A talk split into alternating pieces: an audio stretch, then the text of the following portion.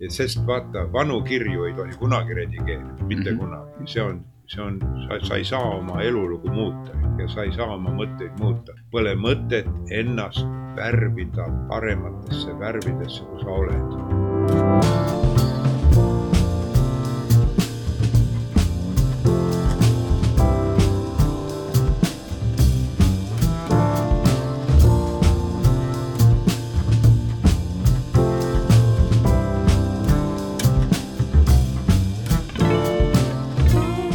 tervitused Palo Altost, Californias.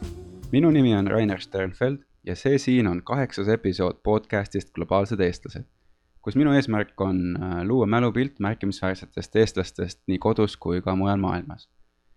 minu vestluskaaslaseks on täna kaheksakümnendat juubelit tähistav Eesti kunstnik Grand Old Man, kunstnik Jüri Arrak meie vestlus toimus üheksateistkümnendal augustil kaks tuhat kuusteist, päev enne Eesti kahekümne viiendat taasiseseisvumise aastapäeva ja kuigi Jüri on suurema osa oma elust elanud küll Eestis, väikse vahelepõikega Peterburis, toonases Leningradis, on tema mõttemaailm siiski piirideta ning tema teosed on nii universaalsed, et patt oleks tema kogemustest mitte õppida.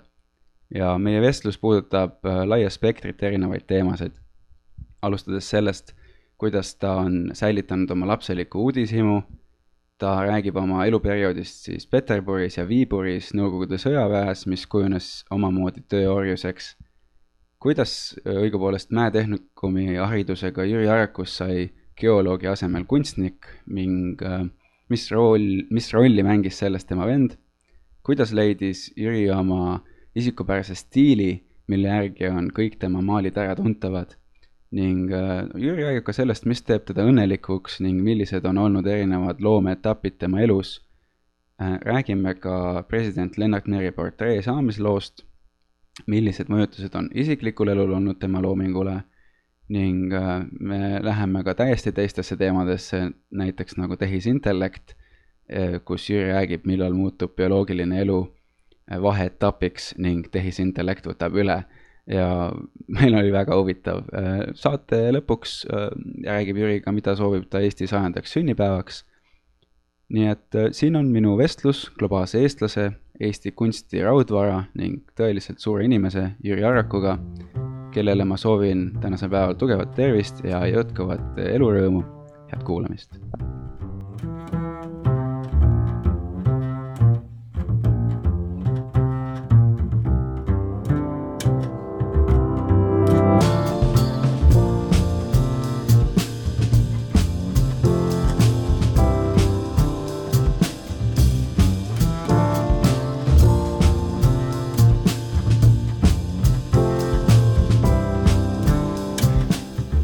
istume Jüri Arakuga tema ateljees ja meie ümber on äh, erinevad äh, maalid ja riiulid ja pooleliolevad tööd ja raamatud. ma alustakski kohe sellest, et mis, mis tähendus on sinul selle, sinu jaoks sellel ateljeel? see ateljee on minu teine kodu, ma võin öelda. sellepärast, et, et siin, siin, kuna, kuna mul ei ole õpilasi ja, ja, ja mul ei ole otseseid ülemusi, ma olen vabakutseline kunstnik, siis see ongi see koht, kus ma, kus ma töötan ja kuna ma olen Roti aastal sündinud, see on Roti urg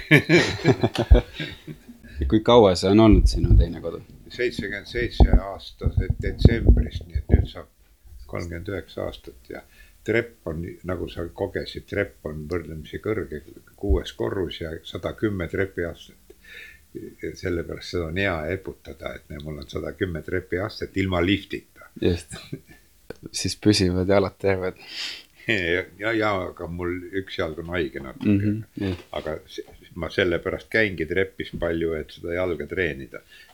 me oleme sinuga juba tuttavad umbes ähm, äh, üheksa aastat um,. ei, vähem, kaheksa aastat jah no.. ja, ja ma olen siin ka varem käinud ja kui sa just ütlesid, et sul on kolmkümmend üheksa aastat oled siin tööd teinud, et, et ma kujutan ette, et siin võib olla olnud äh,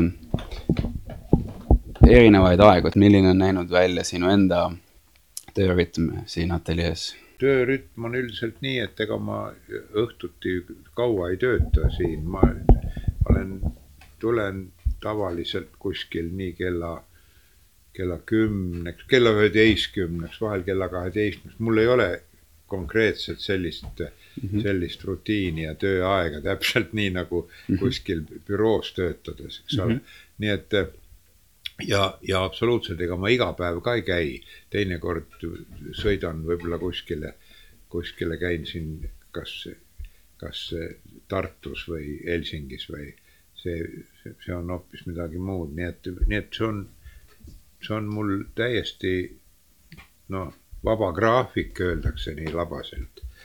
libisev graafik, graafik libi. nii et aga, aga ilma selleta ma ei saa mm. -hmm. selles mõttes, et et kuna mul mitte mingit muud sissetulekut ja teenistust ja kohustust ei ole, ma ei ole õpetaja, ma ei, ei pea loenguid kuskil või ei, juhata mingeid, mingeid gruppe, siis see on, see on kõik minu elu ja töö on siin, siinsamas ruumis. kas sul on mingi lemmikaeg, millal, millal teha ka või see on tõesti, kuidas, kuidas juhtub? Ei ole lemmikaega mm. -hmm. tähendab, mul on üldse niimoodi, et, et mul on küsitud ka mitu korda, et no mis on sinu see inspiratsiooniallikas või mis nii ja naa. ma olen öelnud, et ma võin kogu aeg töötada mm. -hmm. mul, ma, ma võin muidugi väsida või mm -hmm. ma ei, ma ei taha, ma ei, või, või ma ei viitsi, ega inimene siis on võrdlemisi laisk elajas. kui on võimalus, siis, siis natuke vedeleb ka Eh, tähendab ja, aga, aga ma, ma, ma ei jõua elu jooksul niikuinii kõike ära teha, mida ma tahaks teha, eks ole, et mul ei ole nii, et oi, oi, nüüd mul on niisugune vilets olla paus, et ma pean minema metsa jalutama, et ehk saan inspiratsiooni. niisugust asja mul ei ole mm. -hmm ja ma mõtlesingi rohkem, iga inimestel on erinevad rütmid, et ja, ja. Äh, ma olen lugenud huvitavat artiklit, seal oli analüüs äh, näiteks kirjanike kohta millal keegi tõusis, millal keegi magama läks see on, see on nii erinev, nii palju kui on inimesi, on, on väga erinevad rütmid. just, just äh,. aga mis mulle sinu juures meeldib ja see aeg, kui ma olen sind tundnud, on, on see, et, et sa oled oma äh, elukogemuse, oma erodeerituse juures säilitanud sellise lapseliku uudishimu, et kui me saame kokku, me räägime mingist tehisintellektist või midagi sellist. et kust, kust see tuleb ja, ja kuidas sa säilitad enda sees selle, selle lapse? see on jah, selline niisugune levinud küsimus, et inimene peab jääma lapseks ja kõik nii ja naa. vaata, tead, mis on, mina olen arvanud nii, et, et kuna me teame maailmast nii vähe ja, ja see sõna uudishimu on väga hea sõna, sest tänu uudishimule on on väga palju avastatud ja teadus põhineb ka uudishimul ju, et mis seal kuu peal ikka on, eks ole. ja, ja, ja, ja kuna, kuna me teame maailmast nii vähe, siis, siis on täiesti loomulik, et ma olen uudishimulik, see on täiesti loomulik ja, ja kuna maailm huvitab mind, maailm huvitab mind ja, ja, ja ma tahan teada saada, olenemata sellest, et, et mul ei ole ju eh, mingit kõrg, kõrget teaduslikku kraadi või haridust erilist, sest kunstiinstituudi haridus ei ole ju seesama võib-olla teadmiste tase kui Tartu Ülikooli, ütleme, füüsika või keemiaharidus, eks ole, nii et, aga mul on uudishimu jah. lapsukene minus ei sure see on väga oluline ja see ei ole midagi sellist, mis on iseenesestmõistetav, ma näen inimesi enda ümber, kes, kellel kaob see ära, ega see tõenäoliselt on kuskil olemas, aga, aga ta kaob ära erinevatel põhjustel, kas siis on liiga palju tagasilööke olnud või on seda nagu alla surutud ja siis pole võib-olla julgust võib-olla luba antud ja, ja nii edasi, aga samas, samas on ääretult oluline. sa oled elanud suurema osa oma elust Eestis ja mingi vahe olid ka Peterburis, on, on see nii või on midagi no, puudu? ja tol ajal oli ta Leningradis. Leningrad. ja, ja see, see Leningradis elamine ei ole eriti pikk periood, sest eh, viiekümne viiendal aastal eh, mind võeti Vene sõjaväkke, ma olin kolm aastat ja kolm kuud olin, olin Vene sõjaväes ja Leningradis ja, ja Viiburis ja seal ümbruskonnas autojuhina autojuhina töötasin seal, see, töötasin, ma ütlen sellepärast, et meie sõjavägi, eh, meie, meie see polk muudeti tööpataljoniks mm. -hmm. ja see on jälle huvitav fakt, mida tavaliselt ei teata, sest eh, tööpataljonid moodustati tänu sellele, et eh, too, tookordne Nõukogude Liidu juht Hruštšov levitas sellist teadet, et, et Nõukogude Liit vähendab pool miljonit sõjaväge vähendab, et me oleme rahukants, eks ole, rahutuvi ja nii edasi. aga see vähendamine tähendas nii, et meil võeti pagunid maha, minul tähendab, minu, minu polgul võeti pagunid maha ja anti niisugune hallid, hallid riided, munder teistmoodi selga ilma eraldusvärkideta. ja meist tehti tööpataljon, see tähendab meie pidime tegema tööd, aga oma töö eest maksime sõjaväele kinni toidu ja riietuse. nii et, et praktiliselt me olime, no labaselt öeldes, me olime tööorjad. Nii nagu oli mõisa ajal, oli tööorjus, eks ole, peale pärisorjust oli tööorjus, nii olime meie tööorjad kolm aastat ja kolm kuud. aga välismaal äh, arvati, et Nõukogude Liit, eks ole, nii vähendas sõjaväge. aga tegelikult ei vähendanud, sest meil oleks võinud ühe päeva jooksul oleks meist võinud formeerida eh, tege-, tegelik sõjavägi mm, -hmm, anda püss, püssid ja munder ja kõik. Et see oli, see oli niisugune üldiselt, üldiselt, mis Nõukogude võimu ajal olevasse Vene, Venemaasse ja praegusesse Venemaasse puutub, ma ei soovita otseselt kohe kõike uskuda, mida räägitakse. On, on üks huvitav äh, raamat olemas äh,, see on küll äh, tehnoloogia ja, ja ütleme, juhtimise valdkonnas, aga selle nimi on, et ainult paranoilised jäävad ellu et, et selline eluterve paranoia äh,.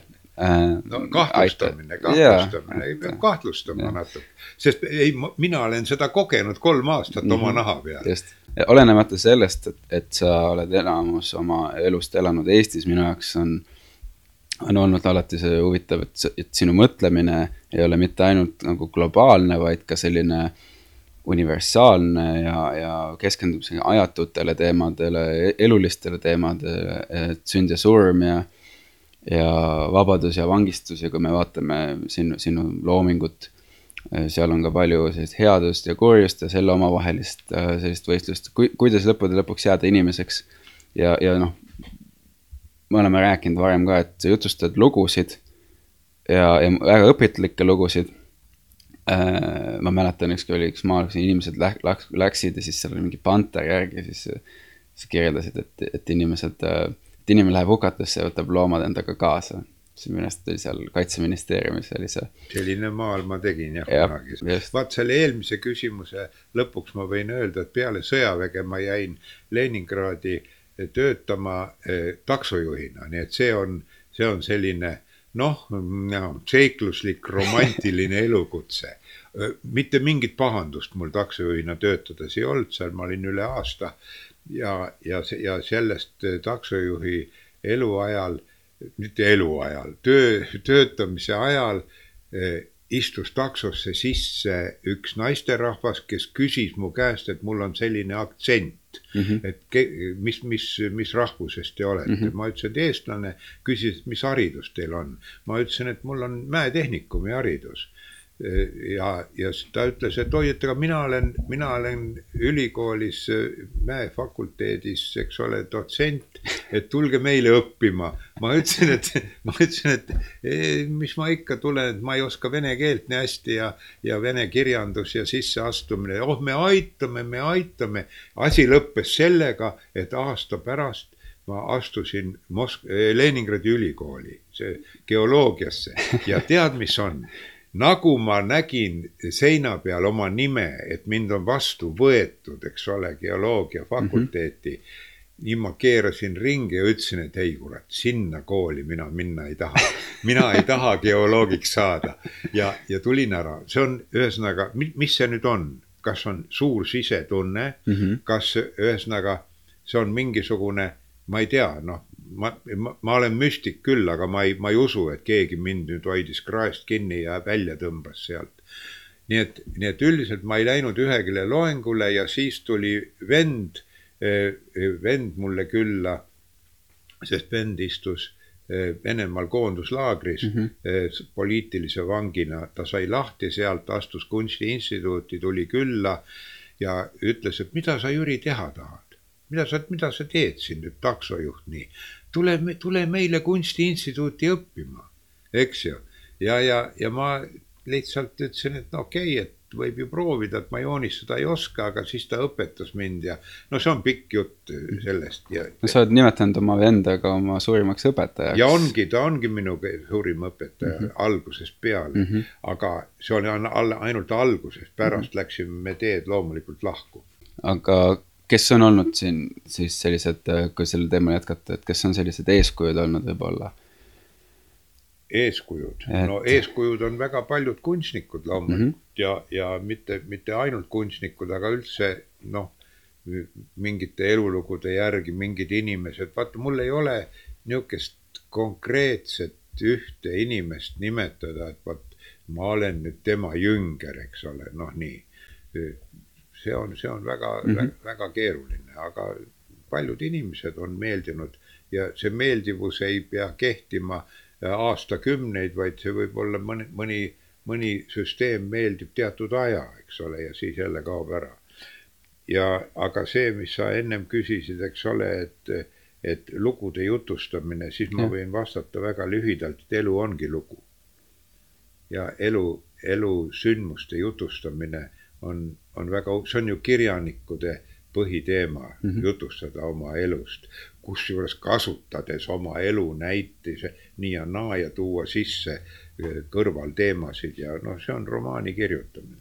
ja kui sa oma venna eh, ütleme soovitusel ja e-, eeskutsel lõpuks ikkagi Erkisse astusid, siis sa ju kuidas sa valisid metallikunsti või ma ei ole sellest täpselt nagu aru saanud, et, et ma olen õppinud metallikunsti ja kuidas sa jõudsid maalini, et missugune see lugu on? no vaata, vend õpetas mulle nagu joonistamist ja ettevalmistuskursused olid sellised, kus joonistamise ettevalmistuskursused, aga, aga sisseastumiseksamid tavaliselt on ka akvarellis ja, ja noh, värvi, värvi, värvikatsed ja kõik nii, aga ainult kaks, kaks elukutset oli kaks fakulteeti oli, kus ei olnud maalimist sisseastumiseksamil, see oli skulptuur ja metallehistöö. ja sellepärast ma skulptuuri ei julgenud proovida, et noh, see on liiga, võib-olla tol ajal oli ta poliitiline ja nüüd skulptuur rohkem ja niisugune ja aga metallehistöö, kuna ma olin tehnikumi haridusega, eks ole ja siis metallehistöö oli mulle nagu lihtsam, omasem ja ma sain esimese korraga kohe sisse esimesena, nii et see oli kõik väga lihtne.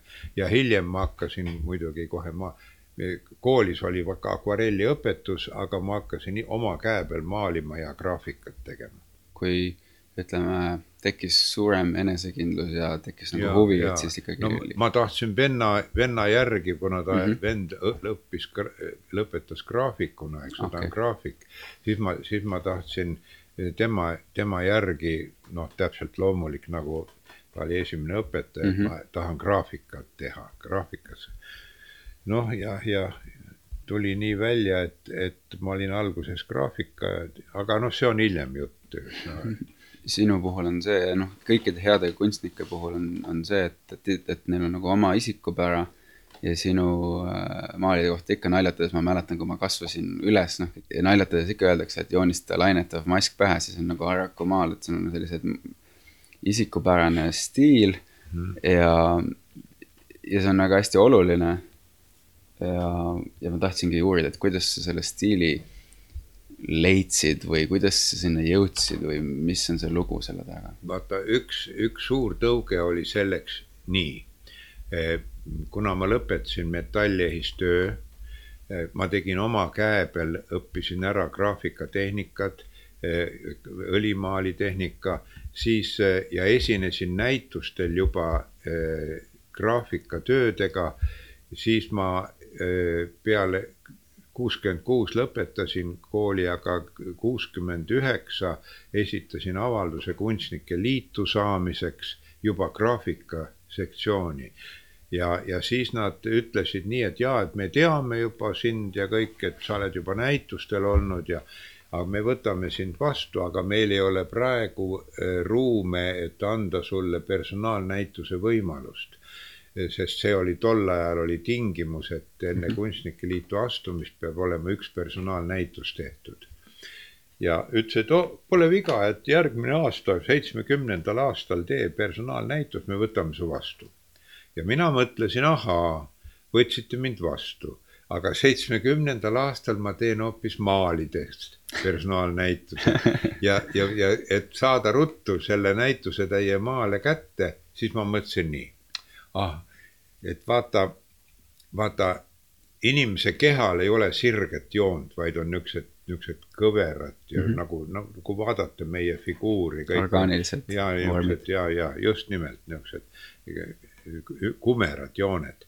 ja, ja siis ma mõtlesin, et, et, et kuna eh, võib ju maalida noh, nii nagu Malevitš juba alguses tegi täitsa tühi pind, eks ole, ja pole vaja üldse sisemisi vorme, siis ma tegin ainult inimkontuuri, mis on täiesti vaba käega tehtud. et kaudselt on arusaadav, et see on ikkagi inimene, mitte, mitte leht või mingi muu koer ja, ja, ja, ja põhiliselt sisevorme ei kasutanud ja tekkisid sellised mm, noh, niisugused, niisugused tühja pinnaga nagu figuurid, ühevärvilised figuurid, kollased, sinised, rohelised. ja ma nimetasin neid märkinimesteks, see on nagu semiootilised märgid, eks ole. et on, on arusaadav, et see on inimene, et inimesed oma, oma mingis tegevuses kuskil, kas laua taga või, või jooksevad või, või ükskõik kus kohas eh, on tegevuses ja on arusaadav ja see värvid ja värvid andsid selle emotsiooni edasi. nii et need olid märkinimeste periood ja, ja, ja neid, neid kutsuti siis nalja, naljatades, need on nagu pannkoogid või teerulli alt läbi käidud inimesed või, või mingisugused amööbid või nii. ja kui näituse ma tegin tegin, panin üles näituse siin Vabaduse väljakul galeriis. siis ma avamist ei teinud, sest ma kartsin, et see näitus keelatakse kohe ära mm. -hmm. see oli tol ajal, eks ole, seitsmekümnes aasta. ja, ja tegin, panin pildid üles, läksin minema ja mõtlesin, et huvitav, mitu päeva ta üleval on ja ripub ja siis umbes, ma ei mäleta täpselt, kolmandal päeval võib-olla Ilmar Torn oli, oli Kunstnike Liidu esimees, kutsus mind ja ütles nii, et, et kuule, et mis asja, mis, mis asja sa oled teinud. mis, mis, mis, mis, mis asjad need niisugused on, sest tol ajal oli ikkagi sots-, sots-, sotsialistlik realism ikka ja mm -hmm. realistlik kunst oli ikka au sees ja ma ütlesin, et vaata, et äh, ära pahanda, et, et ma olen lõpetanud tarbekunsti, mind võeti vastu graafika osakonda, aga ma tahtsin proovida ka maalida. Ja välja tuli vaata sellise. Nii, ühesõnaga niisugune väike vigurvend ja, ja, ja siis, ja siis äh, ta vaatas mulle otsa, ütle, ütles nii, et kuule, ära keeruta sinna ja siis, aga kuna ma olin niisuguse süütu talle näoga, eks ole, no mis sa teed? siis lõi käega just, ah olgu, hää küll, las nad olla ja rippusid üles kaks nädalat ja sellest tuligi võrdlemisi niisugune kummaline sündmus. ja no ühesõnaga keegi ei saanud aru, kuidas ikka võib niimoodi ja mm, -hmm. ja, ja ma olen pannud, tol ajal oli näitusele, ma panin niisuguse kaustiku, külalisraamatu küll seal oli sõimu, küll seal oli kiitust. üks kirjutab, et mis, mis riik see niisugune on, Nõukogude Liidus lubatakse sellist hullumeelseid inimesi kunstinäitust teha, sigadus ja nii edasi. ühesõnaga, see oli võrdlemisi, võrdlemisi põnev no vot, nii nad tulid. niimoodi tekkis Jüri Raku stiil, vähemalt esialgne. see on esimene tõuge. ja, ja, ja., embrüo ja just, no vaata, ühesõnaga kana sünnib ka mingist mhm. munast mm, -hmm. eks ole. nii, noh. aga, aga siin, siis on veel teine komponent, mis, mis, mida leiab väga palju sinu, sinu maalidelt ja need on silmad. et sinu maalidelt võib leida palju silmi ja, ja mis, mis tähendust need äh, sinu jaoks kannavad? Noh, see on niisugune levinud lause, et silmad on hingepeegel, eks ole, noh, see on muidugi nii ja naa, aga, aga kui, kui näiteks silmad, see on, see on niisugune no see on umbes sama nagu fotoaparaadil on objektiiv, eks mm -hmm. ole. kui fotoaparaat võib olla igavene suur ja võimas, aga objektiiv on nagu vilets. inimese silmad ju on, on, on väga väljendusrikkad ja väga, väga, väga tähtis selline iseloomustav ja meie ju, meie võib-olla üks suuremaid tragöödiaid on pimedaks jäämine mm. -hmm sest no ütleme, kui on mingid muud kehalised vead, aga pimedaks jäämine on võrdlemisi raske. ja, ja, ja noh, ja, ja vaata, ma olen, kui ma olen loomi eh, kas joonistanud või maalinud või graafikas olen tiigreid ja lõvisid teinud, siis ma teen nendele inimese silmad loomadele, sest, sest vaata, loomad on meie vanemad vennad, nad olid ennem meid maa peal. Ja, ja, ja loomad ühesõnaga vaatavad meid siis oma silmadega, et mis, mis pagan elukad, mida me siin nüüd korda saadame. Hää küll.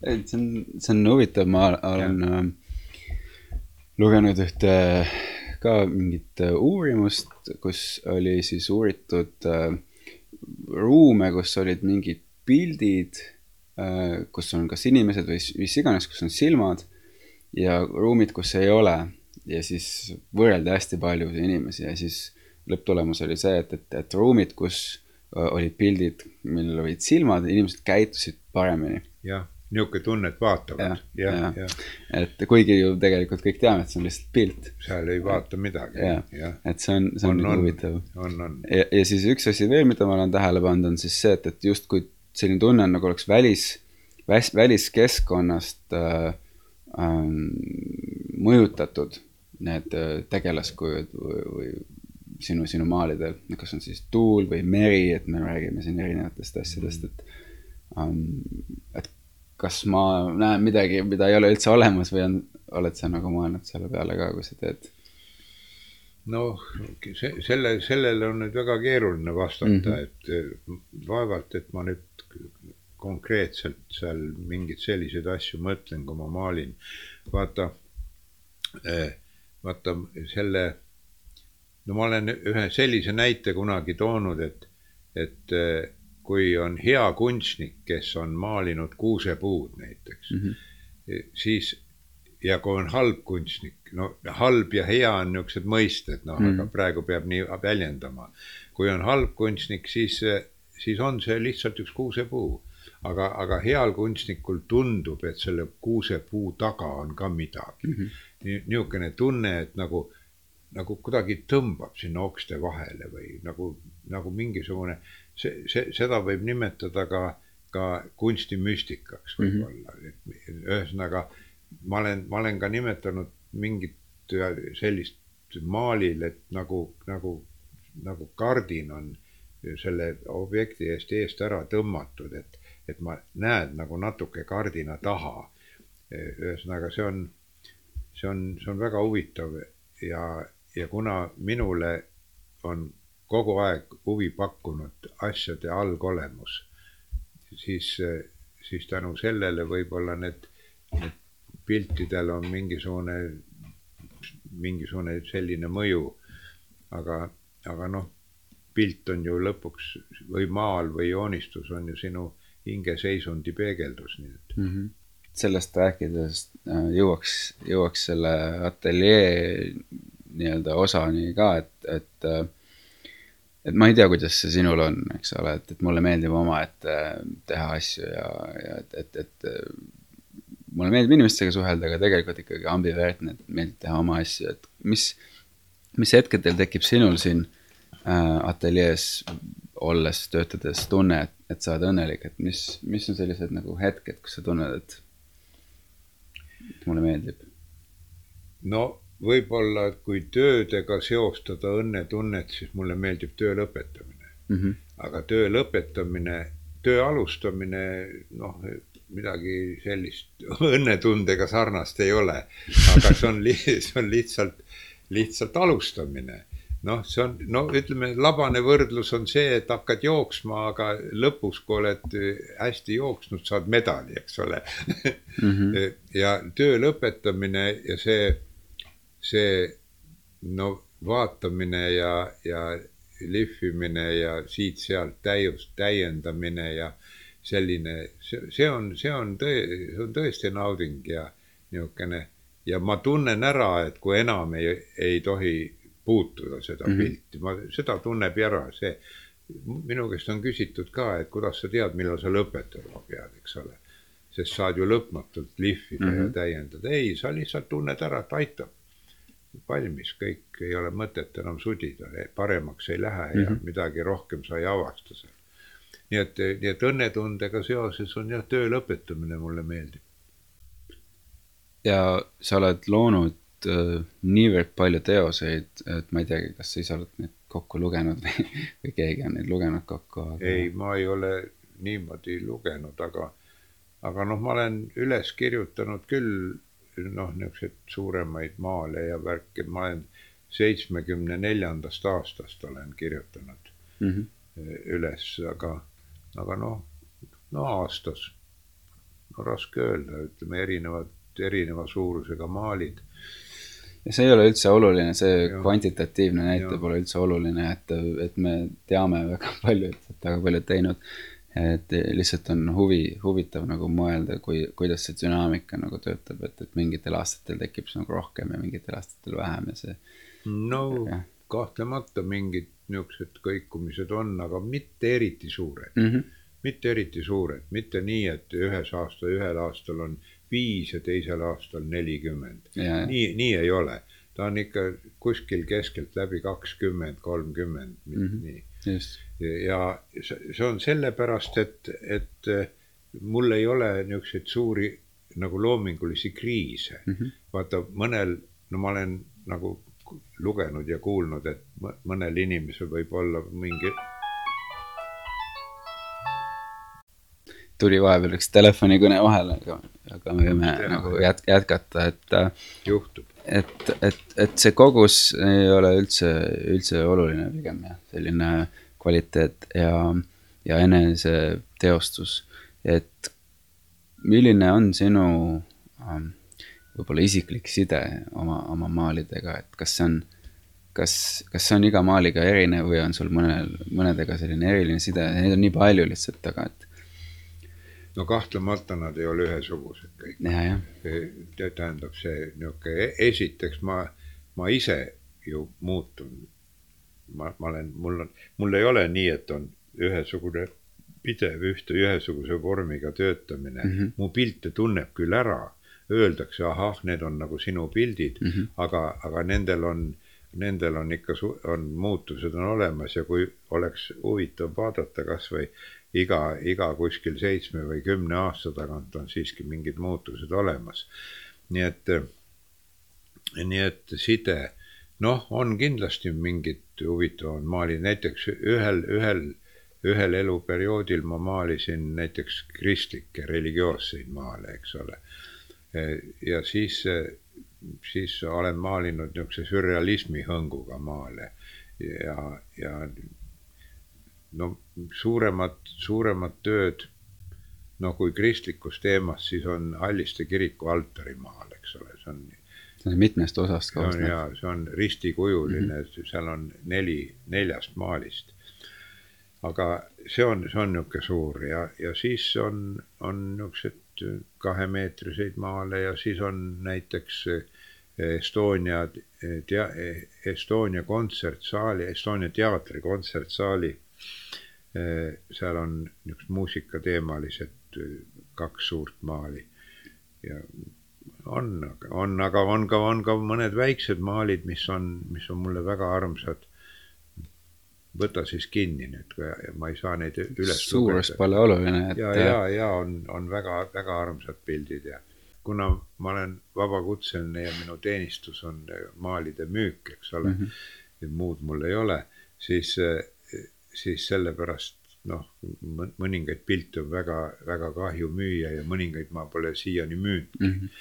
See, nii et selles mõttes ka on niimoodi, et, et kõiki asju rahaks ei saa vahetada.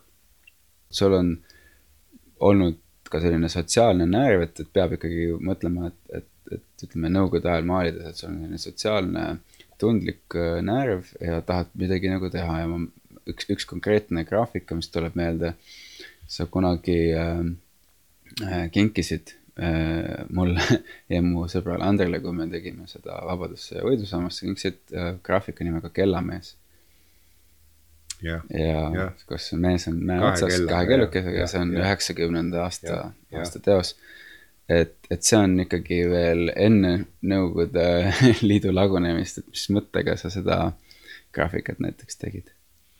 no Kellamees on, see on laiem teema kui ühe sotsiaalse Just. süsteemi teema. See on, see on selles mõttes, et, et kellukest kella kasutatakse nii muusika kui ka kui ka mingi teate edastamiseks mm, -hmm. näiteks kella, kella löömisega vanasti hoiatati mm, -hmm. hoiatati tulekahju või mingi õnnetuse puhul teated, siis ke, kiriku kell kutsub palvusele. E, tähendab noh, nii et kell on nii teataja kui hoiataja ja, ja, ja, ja väga, väga meeldiv muusikainstrument täpselt samuti. ta on selline, selline ilus sümbol lihtsalt ja kahe põlvili olev mees ja kahe kellaga helistab, see on noh, mitmeti, mitmeti loetav kui, kui selline mm -hmm. sümboolne kuju. mis on äh, kõige kaugem koht võib-olla äh, Eestist, kus sinu maali leida võib või üldse, mis on sellised kohad maailmas, kus sinu maale võib leida väljaspool Eestit? no sellele on küll võimatu vastata, kus mina tean, kus mina tean, vaata, kui mõni no kasvõi väliseestlased, no need, kes elavad välismaal, on ostnud mõne pildi või on läinud, ütleme no Kanadas on kahtlemata mm -hmm. ja on Ühendriikides on, kus on Eesti, Eesti kogukonnad nagu suuremad. no mõned on võib-olla Austraaliasse ka viidud. No ma ei tea, igal pool on, Venemaal on muuseumites on, eks ole, noh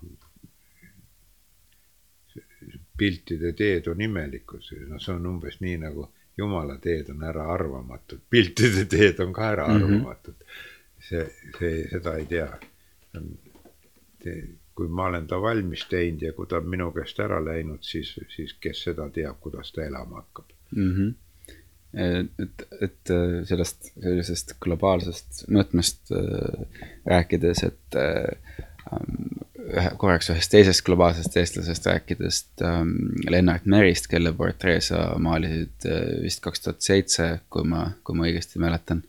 see ripub nüüd Kadrioru äh, lossis presidendi residentsis äh, teiste riigipeade kõrval, mis ilmselgelt eristub teistest maalidest. kuidas, mis, mis oli selle saamislugu?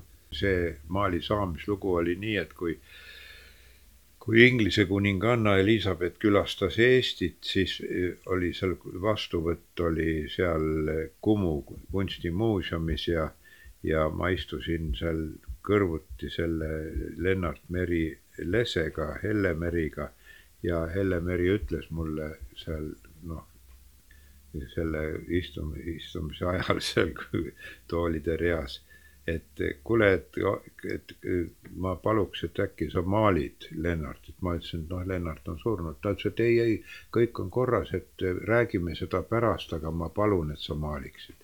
no ja see asi lõppes sellega, et siis läksime, läksime president Ilvese juurde seal ja ja mõni päev hiljem ja, ja ma ütlesin seal nii, et vaadake, et ma võin noh, proov-, ma võin proovida maalida küll, aga teeme nii, et mingit lepingut me ei sõlmi.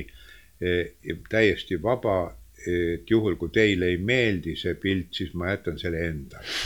et ja küll me rahadega õiendame hiljem. noh, noh Toomas Hendrik naeris niisugune lõbusalt, et no okei okay,, et no niisugune kunstniku soov ja, ja, ja, ja nii ma ta tegingi ja ma ütlesin, et esimesena näeb seda pilti Helle Meri kui mm -hmm. noh, lesk, eks ole. ja, ja kui, kui ma siinsamas ruumis seda, seda maalisin ja valmis sain, siis ma helistasin Nellele ja, ja ta, ta tuli ja vaatas ja, ja vaatas, alguses oli tükk aega vait ja vaatas ja, ja siis ma küsisin, et noh, et, et kuidas siis on. ta ütles, et kole tõsine, ma ütlesin ma ütlesin, kuulge, ta on ju ka president, mitte ainult abikaasa. Et, et, et Lennart oli, ma Lennartit tundsin mm -hmm. noh, ennem seda ta noh, noh nõukogude ajal juba tundsin teda. Ja ole, oli, oleme koos olnud küll ja nii et, nii et ta oli niisugune lõbus mees, aga, aga, aga noh, tark inimene ja, ja oskas, oskas näidelda ja teha igasuguseid tükke. Nii et, nii et vahva, aga, aga üldiselt jah, võeti ilusti vastu ja riputati üles ja, ja ma olen kuulnud kiidusõnu ka tema selle pildi kohta, nii et, nii et ju siis õnnestus, ega mm -hmm. mina ei tea, mina tegin nii nagu oskasin, ega mm -hmm midagi pole teha. mulle meeldib sinu kommentaar selle kohta, et, et ta ei ole ainult abikaasa, vaid ka on ka president, et, et ja. ilmselgelt mängis erinevaid rolle elus nagu, nagu me kõik ja, ja, ja ma arvan, et see on hästi õnnestunud. ja, Lennarti pildi, pildi juures oli veel see või maali juures oli see, et mul oli fooniga probleemi mm, -hmm. vaata sõna meri on meri, eks ole. et kõige tavalisem, kohe esimene asi oleks kunstnik mõelnud nii, et oo seisab mere ääres, käed puus või kuidagi põues mm, -hmm. noh, et mhm. meri on taga ja mereäärne riik ja kõik nii ja naa, nime sümboolika. aga ma mõtlesin niimoodi, et, et eh, ma teen niisugused trepid, mis lähevad taeva ja astmelised niisugused trepid, need on nagu, nagu vabaduse trepid, vabaduse astmed, sest, sest eh, ülespoole minev trepp sümboliseerib ikkagi noh, rohkem nagu vabadust. ja noh see oli, see oli ainus probleem, mis, mida ma natuke pidin mõtlema ja lahendama, see foonivärk mm. -hmm. aga muidu noh, Helle, Helle Meri andis mulle seal neid fotosid ja asju ja eks ma Lennartit tundsin ka ja nii et see niimoodi sai tehtud. kas äh, sinu arvates äh, kunst toob inimesed üksteisele lähemale? teineteisele lähemale. teineteisele lähemale noh, see on nüüd ka niisugune suhteline asi, eks ole. võib ka, võib ka kaugeneda teisest, see on väga keeruline, oleneb, millise, oleneb, mis, mis asi see, mis elukas see kunst on, eks ole. sest kunsti definitsioon on nii, nii laia, laiale veninud, et kui, kui võib-olla kunagi mõeldi niimoodi, et, et kunst on, on tahvelmaal või freskomaal ja skulptuur, siis praegu on kunsti alla ju kõik iga, igasuguseid sündmusi, performance'e, happening'e ja igasugused ruumikunstid ja kohakunstid ja, ja ja nii, et see noh, kui nii võtta, siis eh, ühe, ühtemoodi mõtlevad ja tundvad inimesed enam-vähem sarna-, mitte ühtemoodi, aga sarnaselt tundvaid inimesi võib lähendada muidugi, aga, aga võib ka nii olla, et, et, et mõni, mõni seltskond vaatab, et see on ju päris jubedus ja mida teie siin teete ja nii et, nii et see, see on vaieldav siin mm, -hmm. võib nii ja naa olla. no kunsti rollist rääkides, et kunsti ja kunstnike roll on tihti nagu sa ütlesid, et peegeldada, rääkida seda lugu, peegeldada, mida nad näevad, kas oma elust või ümberringi ja, ja nüüd sa loetlesid mitmeid erinevaid uh, uusi või uuema aja uh, kunstivorme, et, et mis, mis on kunsti roll kahekümne esimesel sajandil? no ma ei ole nüüd kunstiteoreetik loomulikult, aga, aga mm. võib, võib arvata, et kunst peaks uh, kuidagi aitama inimesel, inimesel orienteeruda inimkonna tees ja, ja maailma ehituses ja, ja, ja nendes probleemides, mis on maailma ees, mitte antud momendil ainult, vaid mis olid ja mis saavad olema ka. nii et see on, see on võib-olla mingi natukene laiem, laiem eesmärk kui näiteks eh, mingi kauni maastiku maalimine mm -hmm. minu jaoks, aga see ei tähenda, et kaunis maastiku maalimine halb oleks, mitte sugugi.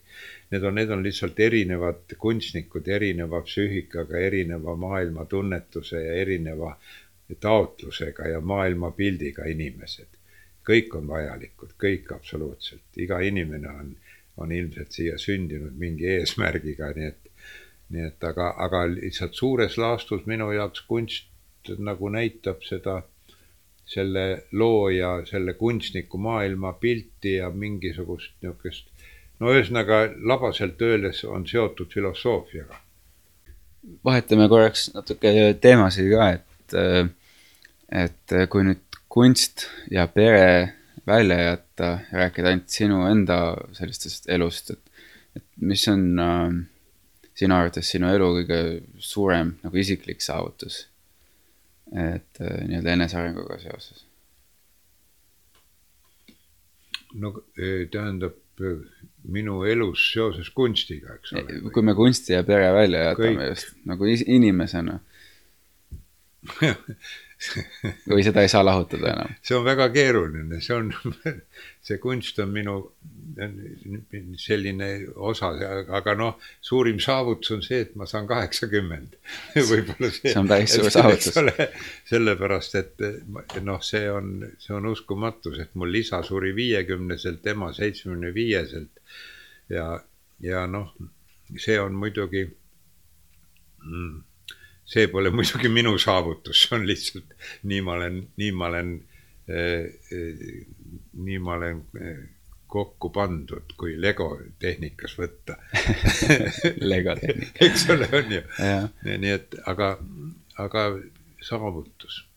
no ma, ma mõtlen näiteks niimoodi, et, et, et sa ütlesid, et noh, et sul sellist kindlaks määratud töörütmi ei ole, aga samas äh, võib äh, vaieldamatult öelda, et, et sul on päris tugev töödistsipliin või tahe seda teha, et sulle meeldib see, mida sa teed, sa oled teinud seda väga pikka aega. siin oled olnud juba kolmkümmend üheksa aastat. aga enne seda sa olid ka juba, juba tegev.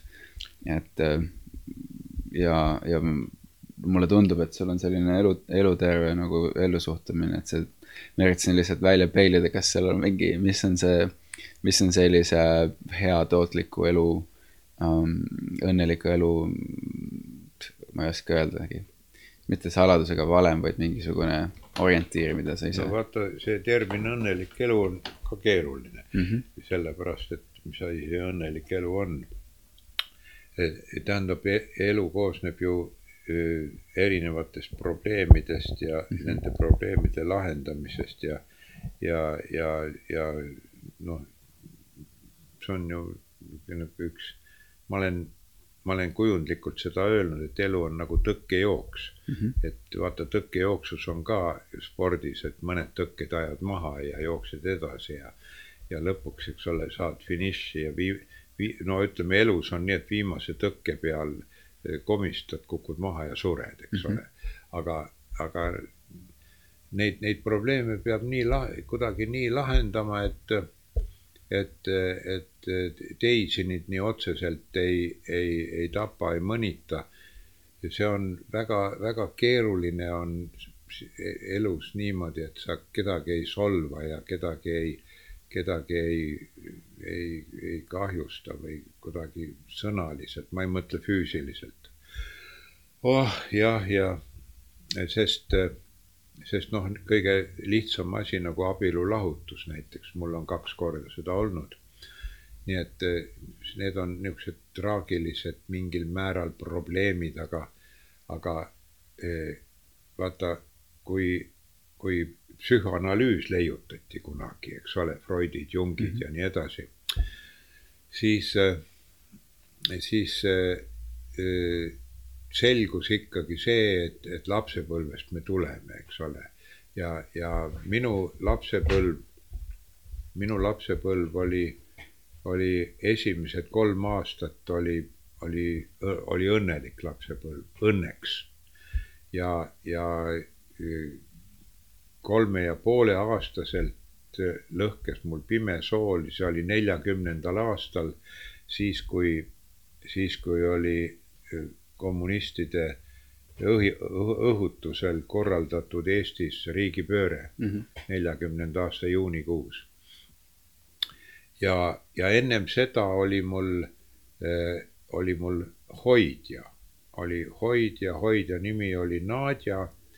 ta oli, ta oli eestistunud venelane või eestistunud lätlane või ja, ja, ja vaata, mul oli nii, et, et äh, et emal oli tegemist palju ja tal oli kaks kasu, kasupoega ja, ja kõik oli, kõik oli selline, selline virvarr ja ema mind eriti ei hoidnud. aga Nadja, Nadja oli selline kehatunde järgi, ma mäletan kehatunnet, oli selline, oli niisugune pehme, pehme kehaga naine ja, ja kui Nadja kadus minu elust ja Pimesool lõhkes Pimesool lõhkes neljakümnendal aastal, siis see eh, algas sõda eh,. see kuidagi tekitas minu organismis mingi šoki mm. -hmm.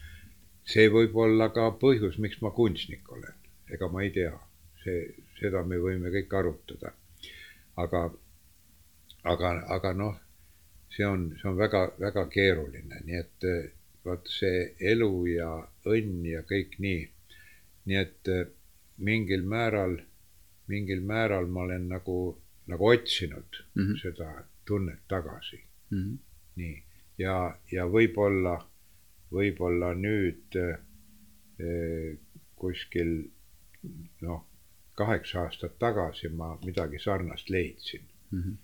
aga, aga see on see on selline, kui sa küsid, eks ole, minu mingit niisugust elu, elu selliseid sündmusi ja asju, siis äh, kunst on loomulikult kohutavalt tähtis, aga, aga, aga kunst ei tekkinud ju ka kuskilt, kuskilt äh, laest, vaid kunst tekkis ju tänu venna mõjutustele ja -hmm. tänu minu enda siseelu ja närvisüsteemi ja kõik sellele nii et äh, see on, see on väga keeruline psühhoanalüütiline probleem.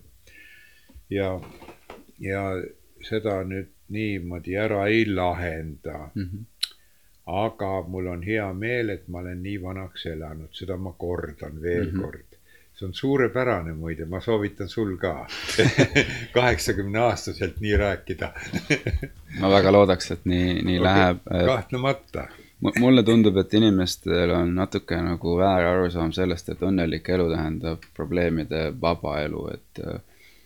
et mulle, mulle tundub, et, et õnnelik elu on see, mis aitab sul muutuda paremaks inimeseks, et läbi raskuste. Äh, kui sa suudad selle, et, et, et, et, et, et mina võtan nagu raskuseid nagu treeningut või mingisugune võimalus nagu paremaks muutuda et kui on niisugune muredevaba elu, siis ilmselt väga, väga palju ei arene ega väga ei kasva inimesena no,. selge, selge, aga muredevaba elu tegelikult pole olemas mm, -hmm. sest, sest bioloogiline süsteem on juba ju rajatud võitlusele ja teineteise õgimisele mm, -hmm. bioloogia, eks ole, bioloogia ju muidu muidu, muidu. mulle meeldib, kuidas sa ütled seda. ei no on ju, no no kullakene, putukad üksteist söövad, linnud söövad putukaid mm, -hmm. rebane sööb lindu, eks ole. inimene sööb vasikaid, siguid, eks ole, see on ju üks õgimine toimub. seda, seda ei taheta eriti demonstreerida, seda varjatakse mm -hmm. igasuguste juttude ja loosungitega aga bioloogia põhineb õgimisel ja võitlusel, oma, omavahelisel võitlusel mille nimel võta, võta näiteks tavaline põdrakari. isa põdrad võitlevad selleks, et saada karjajuhiks mm. -hmm. väga rangelt, see on kohutav, madin käib kõik, kõik käib üks madin. võta, võta praegu mingid presidendivalimised oh,, eks ole, see on üks ragin madin. aga muidugi inimesed oskavad varjata seda mm, -hmm. seda aga, aga mina ei taha varjata, ma, ma näen seda kõike läbi, kuidas mm., kuidas kõik võitlevad. noh, õgime, õgime, mis teha, tead, ja selle, sellepärast, sellepärast eh, ma arvan, et üks, üks tõeline bioloogiline lõpp tuleb siis, kui, kui, kui bioloogia muutub vaheetapiks ja, ja elu teiseneb teistes vormides, aga see on, see on juba mm -hmm. pikk teine jutt.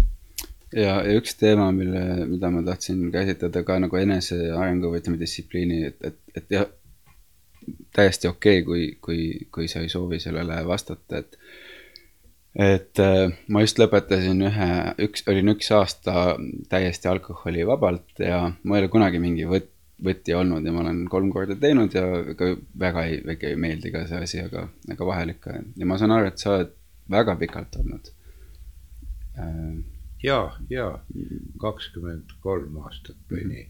vaata, see oli lihtsalt äh, tänu äh, lapsepõlve nendele äh,, nendele vapustustele ja muutustele ja, ja seksuaalkompleksile ja, ja, ja kõigile hakkasin ma võrdlemisi vara viina jooma mm. -hmm. see oli kuskil kolmeteistaastaselt või ja, ja, ja see läks, läks ja, ja lihtsalt äh, kunstnikuks saades oli see viina võtmine nagu elukutsega ka kuidagi nagu õigustatud, et noh, mhm. kunstnikud ja, ja kaifivad ja teevad ja nii ja naa joovad.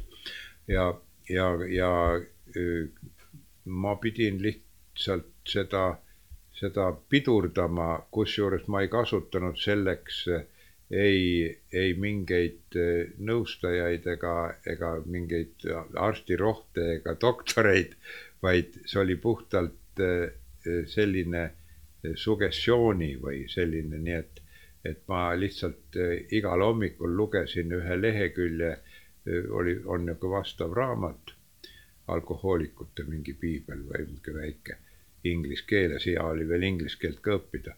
Ja hommikul üks väike lehekülg, eks ole, ja algas sellega, et, et täna hommikul vot nii ja naa ja palun kõrgemat jõudu, et ma saaks õhtuni vastu pidada, üks päev korraga mm, -hmm. sest kaks päeva on juba kahtlane üks päev, üks päev aitab küll mm -hmm. ja, ja, ja igal hommikul ja õhtul, õhtul kohutavalt hea meel, aitäh, et noh, aitasid. ja niimoodi oli kaks aastat ja kahe, kaks aastat ja siis see muutus harjumuseks ja lõpuks polnud enam mingeid tekste vaja ega mitte midagi. ja, ja siis ma tegin proovi kolm-neli aastat tagasi vist või ma ei mäleta täpselt, see pole tähtis, tegin proovi, et huvitav, kõik räägivad, et nagu sa ühe, ühe klaasikese või pitsi võtad, eks ole, nii hakkad uuesti jooma mm. -hmm. ma mõtlesin, et no tohoo põrgu, ma tahaks proovida. Ostsin väikese hea NSC konjaki mm, -hmm. niisugune hea konjak. võtsin pitsikese, vaatasin, kuidas mõjub täitsa hea oli, eks ole, suurepärane, niisugune mõnus, mõnus maitse ja kõik. ja, ja rohkem ja, ja siis ei olnud mingit probleemi, jõin selle pudeli ära umbes nädala aja jooksul või noh mm -hmm., nii pitsikene ja pitsike, no ei taha ju pudelit järgi jätta. Inimene on talupoja mentaliteediga mm, -hmm. midagi ära ei viska, eks ole mm, -hmm. on ju. ja, ja, ja sellega see asi lõppes, rohkem polnud vaja aga ma tegin endale, tõestasin, et ma võin mm, -hmm. kui ma tahan. aga ma ei taha ju, kõik. ma arvan, et see on väga hea eeskuju paljudele. see on, see on, see on huvitav, see on mm, -hmm. see on lihtsalt huvitav, ma tegin nii oma nahal proovi mm, -hmm. see on nii nagu teadlased teevad proovi mingite arstirohtudega, eks ole. Ja, ja töötas ma võin, ma võin vabalt, vabalt olla ilma, aga kui on tõeline vajadus, ma, no mul pole vaja seda konjakit no., aga ta on hea maitsega mm. -hmm. väga-väga meeldiv, kui võtad teelusikatäie mm, -hmm. mõnus maitse mm. -hmm. ja pool aastat tagasi vabariigi aastapäeval, kui, kui me nägime üksteist, siis, siis äh, sa, sa üllatasid mind teemaga, et, et hakkasime rääkima tehisintellektist ja, ja, ja me elame väga huvitaval ajal, kus inimestel on äh, võimalus luua tehisintellekti väga spetsiifiliste valdkondade jaoks, mis on, äh, mis on ka tegelikult väga keeruline ja, ja tõenäoliselt selline üldine tehisintellekt on ikka väga-väga-väga kaugel. aga, aga sellegipoolest on, on see üks teema, mis toob praktilise filosoofia ja filosoofilised küsimused meie ühiskonda tagasi ja paar saadet tagasi vestlesime Mari Jolleriga, kes on New Yorgis elav eestlanna, kes juhib äh, ühte tehisintellektiga tegelevat ettevõtet, mis loob sellist nutisekretäri, mis saab aru inimkõnest ja ma ei tea, planeerib sinu seda igapäevaelu ja aitab registreerida restorane ja, ja nii edasi, sellised lihtsad asjad. aga samas on nagu mure ikkagi selle üle, et, et, et, et kus jookseb äh, piir, et kust, ähm, kus jookseb piir inimeste ja tehisintellekti vahel ja ja ma mäletan, et meil oli selline huvitav vestlus äh, sellest äh, ja tahtsin lihtsalt teada, mis on, millised on sinu mõtted selles osas? vaata, nüüd on nii, et ma kirjutasin eesti keeles sellise kümneleheküljelise essee ja selle ma andsin, andsin äh, aja, ajakirja Akadeemia siin Tartus on see toimetus ja, ja, ja seal praegu selle selle mm, toimetaja on, on Jaan, Jaan Kangilaski ja ta, ta üt-, lubas, et ta augusti lõpuks nagu vaatab selle asja läbi ja et, et oktoobri numbris ilmub Akadeemia. Seal on, seal on mul siis nagu kirjutatud sellest lühidalt, sellest, selle, selle essee eh, niisugune niisugune areng on see, et ku-, kust me, kuidas me mõistuse saime, loomad tähendab, ja, ja kuidas kuidas see on arenenud ja, ja miks üldse ühele loomale, ühele imetajale eh, mõistus kujunes välja, sest vaata minu süsteemis, mis ma olen mõelnud, minu jumala või looja mõiste on mõtlev algenergia mm. -hmm mõtlev algenergia, sest terve maailm koosneb energiatest. see ja, ja, ja ausalt öeldes mingit loomist kui sellist pole olnud üldse. on ol-, on olnud muutused ainult mm, -hmm. energiavõnked on olnud muutused. sest vaata, võib ju võtta niimoodi, et mingi hiigelsuur, mingisugune suur mingi muutus ja võib, võib näida loomisena, näida aga, aga noh, okei okay,, see on nüüd nii ja naa. ja siis, ja siis eh, jõudsin ma selleni välja, et, et bioloogiline maailm eh, eh, ühesõnaga, mis, nagu ma ennem ütlesin, koosneb niisugusest teineteise õgimisest ja värgist, see eriti kaugemale suurt ei mm -hmm. arene, vaid ta, ta on loonud Eh, oma töövahendiks on loonud eh, noh, kompuutrid ja, ja nõndanimetatud robotid ja noh, tehisintellekt ja kõik nii ja naa. aga, aga lõppeesmärk on see, et bioloogia jääb, jääb oma asjadega sebima mm, -hmm. aga see, see, eh, mida, mida ta alustas see läheb omaette edasi ja, ja need, see inimese looming hakkab iseennast looma mm -hmm. ja need masinad, noh, mul ei ole õigeid sõnu ju, noh mm -hmm., masin, eks ole, no see on nagu loll sõna. Need, need, need masinad, masinad hakkavad ennast ise looma, looma ja kui nad on, on juba noh, ma ei tea, aja mõiste siin puudub, ma ei, ma ei oska siin aega öelda. On juba küllalt, küllalt palju nagu kaugenenud bioloogiast, eks ole, siis, eh, siis eh, no see toimub umbes nii, et, et inimese eh, või bioloogilise inimese teadvuse mitte ülekanne tehisintellekti, aga muundumine tehisintellekti. ta, ta muundub, ta teiseneb ja läheb tehisintellekti ja tehisintellekt töötab seda edasi ja muudab seda edasi, see ei ole mitte nii nagu ulmefilmides praegu.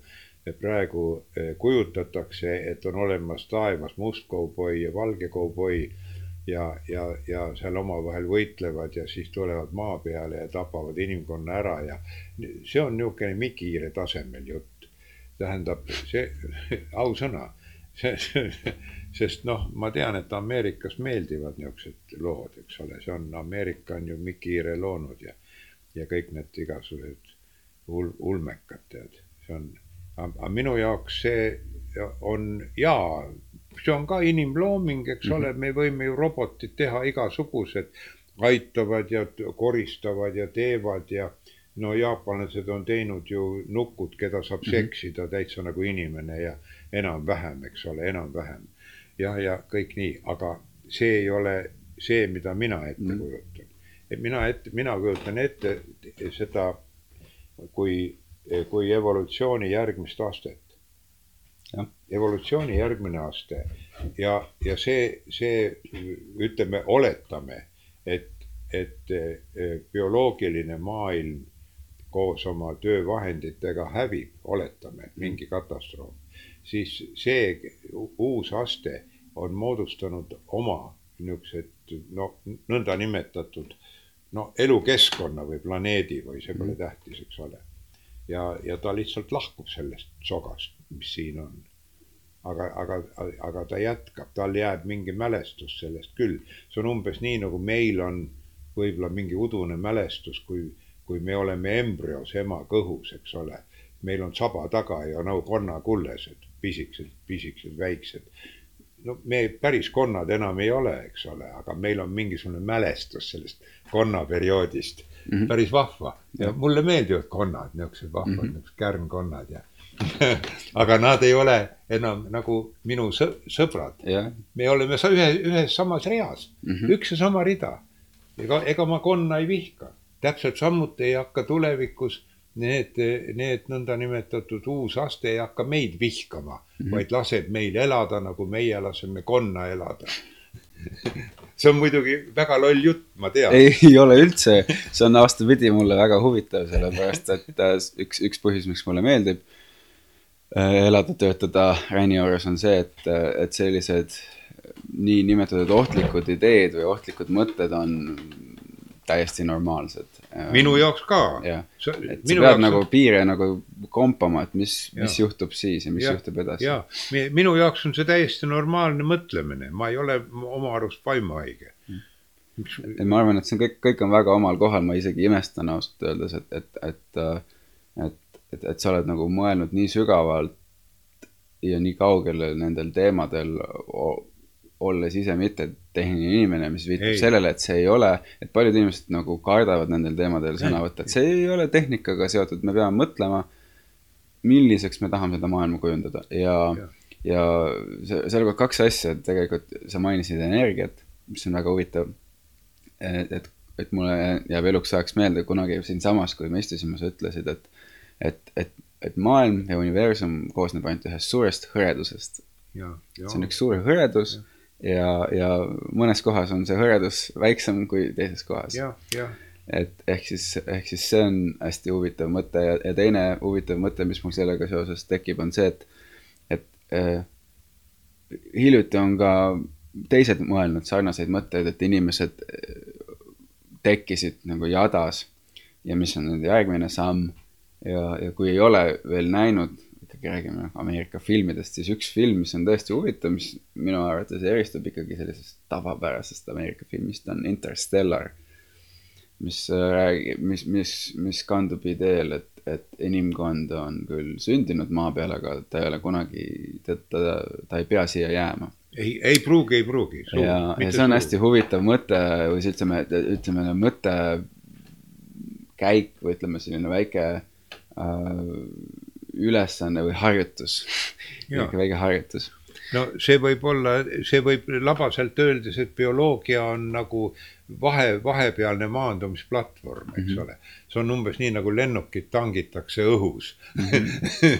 no tähendab, saad aru, minu ja, mõtlemine on see, et ma ei arvesta, ma ei arvesta ajaga mm. -hmm. siin ma, ma olen rääkinud, mm, no ma olen rääkinud inimestega, kes on kõrgelt haritud ja akadeemia ja värk ja mulle on lihtsalt öeldud, et kuule, et Jüri, sul on lihtsalt kummaline mõtlemine ja kõik sellega on, on, sellega on jutt, jutt läbi, no ühesõnaga antakse viisakalt mõista, et, et noh, nii ja naa, eks ole. aga, aga et ühesõnaga aga, aga see, nojah, aga vaata, mul on lihtsalt küllalt tugev intuitsioon ja mm, -hmm. Ja, ja ettekujutusvõime ja, ja, ja, ja sealsamas on mul loogika ka.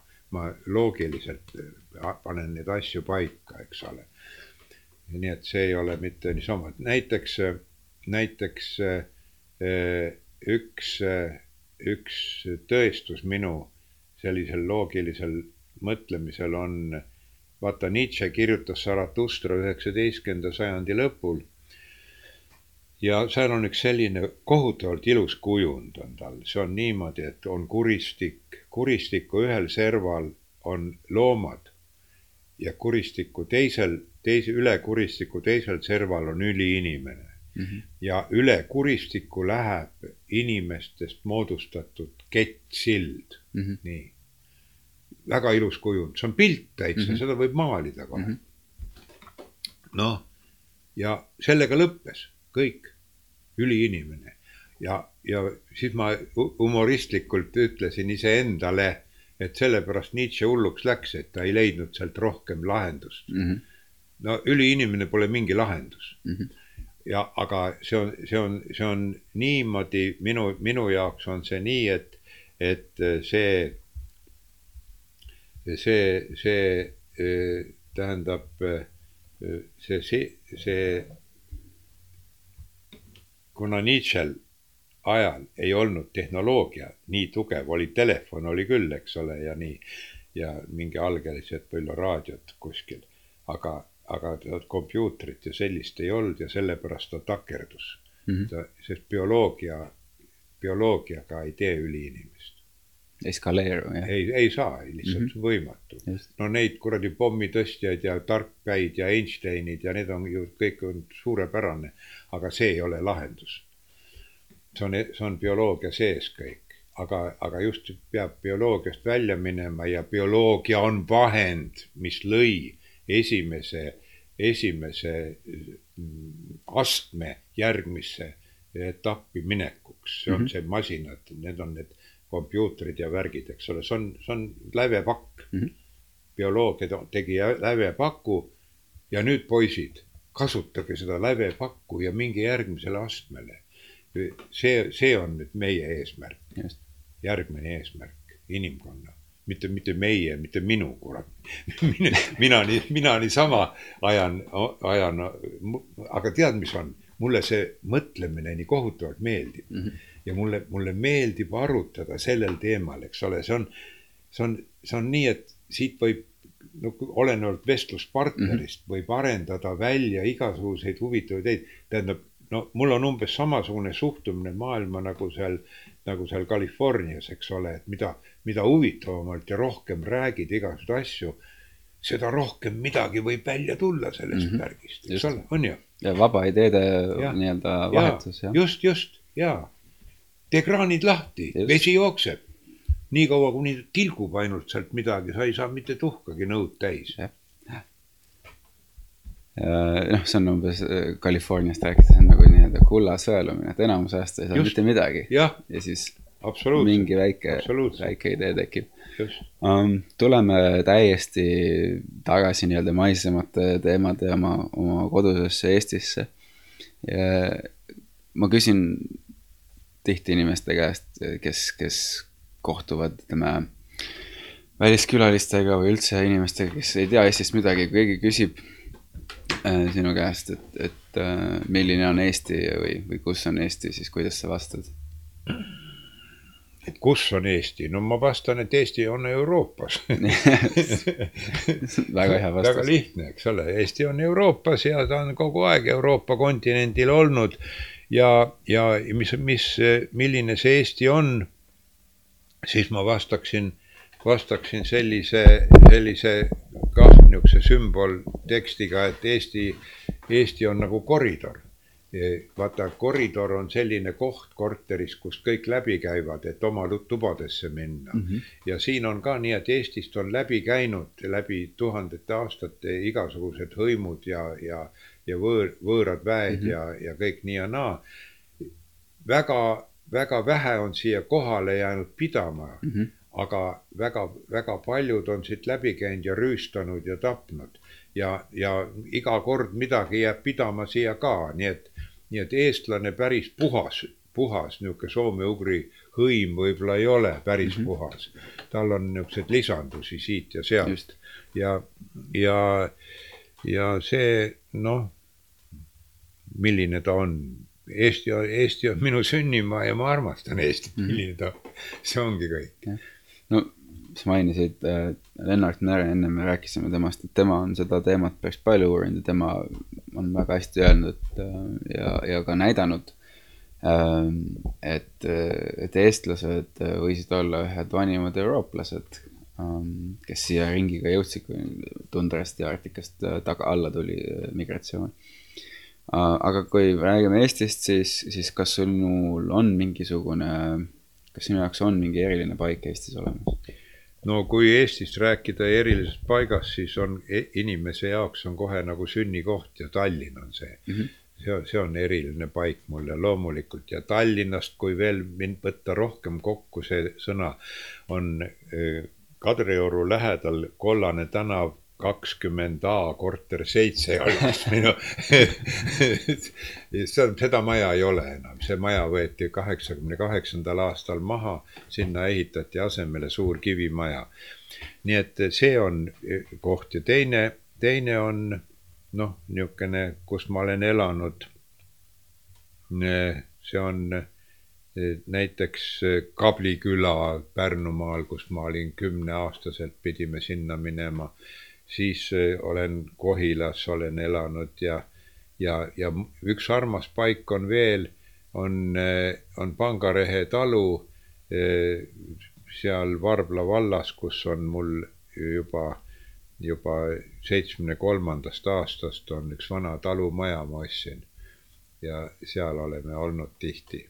aga selle ma, selle talu ma andsin nüüd pojale, poeg on viiskümmend kolm aastat vana juba ja tal on paras seda juba mina enam ei viitsi seal õiendada, vaja mhm. katust mm. vahetada. nii, nii et eh, Eesti, Eesti on, Eesti on jah, niisugune ja, ja muide, ma alles hiljuti, kui sõitsin, sõitsin Tartusse ja vaatasin tee ääres ja Peipsi järve ääres käisin väga, väga huvitav loodus on Eestis ikka ja, ja vaata, siin on noh, mis mulle meeldib, siin ei ole eh,, siin ei ole selliseid hädaohtlikke elukaid mm, -hmm. no ütleme, rästik on noh, tavaline, meil ei ole suuri mürkmadusid, meil ei ole suuri kiskjaid, nii, no on küll tegelikult hundid, karud, aga noh, pole kuulda, et nad oleks kedagi siin murdnud. ja, ja, ja tähendab niisugune ja turvaline ja, ja meile ei panda veel pomme maavärinaid ka ei ole. maavärinaid ei ole, üleujutusi praktiliselt ei ole nii et see on üks väga-väga armas nurgakene, aga see nurgakene on geograafiliselt väga heas positsioonis eh, juba viikingite ajast peale.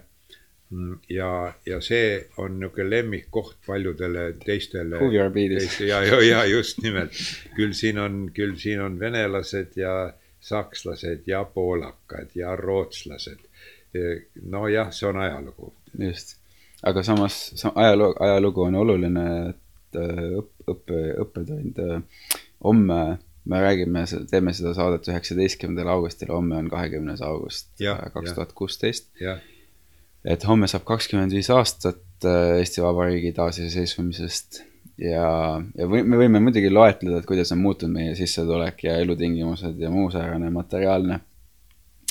aga see, see käib kõik vabaturumajanduse juurde ja, ja meie edu otseselt seotud sellist, mis lisaväärtust me, me loome, et see majandusest võib, võib pikalt rääkida. aga, aga samas inimese õnn äh, seisneb selles, et kas tal on kutsumus, kuidas ta iseendaga läbi saab, kus ta tõmbab joone, mida raha vastu vahetada ei saa. ja, ja kui sa vaatad tagasi sellele üheksakümne esimesele aastale ja mõtled viimasele kahekümne viiele aastale, et, et, et, et kuidas oleme me ühiskonnana muutunud sinu arvates? et me oleme vabad, avatud, meil on kõik võimalused, et teha, mis me soovime. ja, ja kas me oleme sinu arvates kasvanud vabaks ja ka, kuidas me oleme muutunud ühiskonnana? no vaata, sõna kasvama tähendab seda, et kasvuprotsess jätkub kogu aeg mm. -hmm. tähendab ta, ta, see, me ei ole veel kuhugi eriti jõudnud mingit, mingit suurt, suurt niisugust, aga kasva, kas-, kasvab ja kasvab, sest tammepuu kasvab kaua. sest tammepuu on meie niisugune püha puu. ja, ja, ja teiseks on üks hea asi mis meil oli selle iseseisvuse taastamisega, et meil polnud kodusõda mm. -hmm. see tähendab, meil ei olnud eh, sellist eh, mingisugust verevalamist siin ja suuri lahinguid ega midagi. nii et see, see siiski kujunes eh, noh, see on, see ei olenenud ainult meist, see on nagu suurriikidest ja kõik kujunes kuidagi rahulikumalt. Ja, ja, ja, ja minul on, on küsitud ka, et kuidas on nüüd sul tunne ja muutunud ja kõik ja ma olen, ma olen vastanud ikka umbes niimoodi, et üldiselt, et kõige tähtsam probleem minule ütleme, elamise ja riigi juures on see, et, et meil on vabadus, et me, me saavutasime vabaduse. mis asi vabadus on? vabadus on see, et üks seltskond, üks seltskond või, või üks rahvas või saab ise vabalt otsustada. jaa, nad võivad teha vigu, aga nad teevad ise vigu mm. -hmm. tähendab, ei ole võõrvõimu, ei ole peal, ei ole okupatsiooni ja, ja, ja need, need vead on noh, see tasapisi lahenevad kõik. ja demokraatlik Eesti, see on ikka suurepärane ja, ja noh, ja nii edasi, mis see demokraatia on ja nii edasi, aga kõige tähtsam on sõna on vabadus mm. -hmm.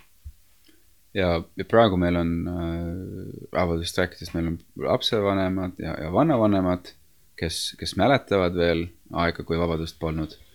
Et äh, mida või millest soovitaksid sina neil oma laste ja lastelastega rääkida, mis aitaks neil ähm, meil hinnata käesolevat vabadust mitte võtta seda kui midagi iseenesestmõistetavat no,. lapselapsed võivad olla viie, kuue, seitsme, kaheksa, kümne aastased väiksed niisugused toredad, toredad inimesed.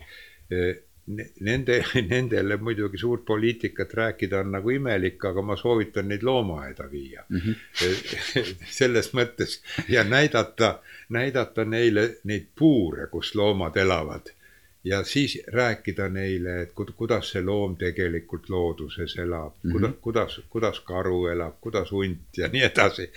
ja, ja, ja, ja siis, ja siis tasapisi saab ka võrrelda seda, et vaata, et kui me, kui me elame vabas riigis, me saame vabalt reisida, vabalt töötada, vabalt valida, eks ole, nii ja naa et, et vaata, need loomakesed ei saa minna praegu sinna metsa mm -hmm. ja ja võib-olla väiksele lapsele tekib mingisugune võrdlus, võrdluspilt. aga suurematele inimestele juba peab õpetama kool seda mm, -hmm. keskkooli. keskkooli lõpetanud inimene on juba üheksateistaastane, temale, temale peaks olema selgeks tehtud eh, poliitilised süsteemid, head ja vead mm, -hmm. eks ole, ja läbi ajaloo kõik mm. -hmm on öeldud, et inimese mälu on ikkagi ilge lühike, et ühiskondlik mälu viiskümmend kuni sada aastat ja siis kipub ja. nagu ununema, et, et minul tekibki noh, et, et neil loomulikult seda eh,, kuidas öelda, seda unustada on väga raske, kui vaatad kaardi peale korraks ja kõik on selge aga, aga samas ütleme küsimus selles osas, et miks peaks pingutama, et meil läheks paremini ja, ja kas me oleme ikka jätkuvalt näljased, nii nagu me üheksakümnendate alguses olime, et, et kuidas seda võiks säilitada ja kuidas seda kasvatada? noh, tähendab, sa mõt-, sa küsid, et, et kuidas, kuidas säilitada seda, seda mingit tunnet või niisugust, et, et me oleme. kas seda on võimalik säilitada? no vaata, üldiselt on ees, Eesti vanasõna ütleb, et kordamine on tarkuse isa või tarkuse ema. nii et eks mingeid lihtsaid asju peab väga palju kordama ilmselt ja, ja, ja neid noh, neid iseseisvuse nagu eeliseid peab kordama, sest vaata, inimesed juba kahekümne viie aastaga kipuvad, kipuvad juba rääkima, et oh, ei tea, kas ikka nii ikka on hea ja kas nii ja naa ja kas me sellist Eestit ikka tahtsime ja kõik. ja, ja nad unustavad ära, unustavad ära need probleemid, mis olid, olid esimeste kolhooside loomisega peale sõda, mis olid Venemaale küüditamised, mis oli okupatsioon üldse. ja, ja kõik see, mis oli üldse sõda ja mis oli, oli Saksa okupatsioon ja kõik need asjad hakkavad juba tuhmistuma Mm -hmm. eks ole, no, no minuvanused, ütleme, mäletavad asju rohkem loomulikult, aga, aga kolmekümneaastane inimene, kes on täiskasvanud, suured juba emad-isad, nemad olid viieaastased, kui uus Eesti iseseisvus tuli, taastati. Nad võivad seda unustada jah, et mm. mis oli, nii et, nii et seda peab kordama, kahjuks peab kordama, kordama ja, ja lihtsalt äh, ma olen kuulnud, et oh, mis te ikka räägite koonduslaagritest aitab küll ja, ja mis me jamame. ei, ei, see, see ei ole päris õige, seda peab, ajalugu peab nii kaua kordama, kuni see muutub kõikidele iseenesestmõistetavaks. iseenesestmõistetavaks mm. -hmm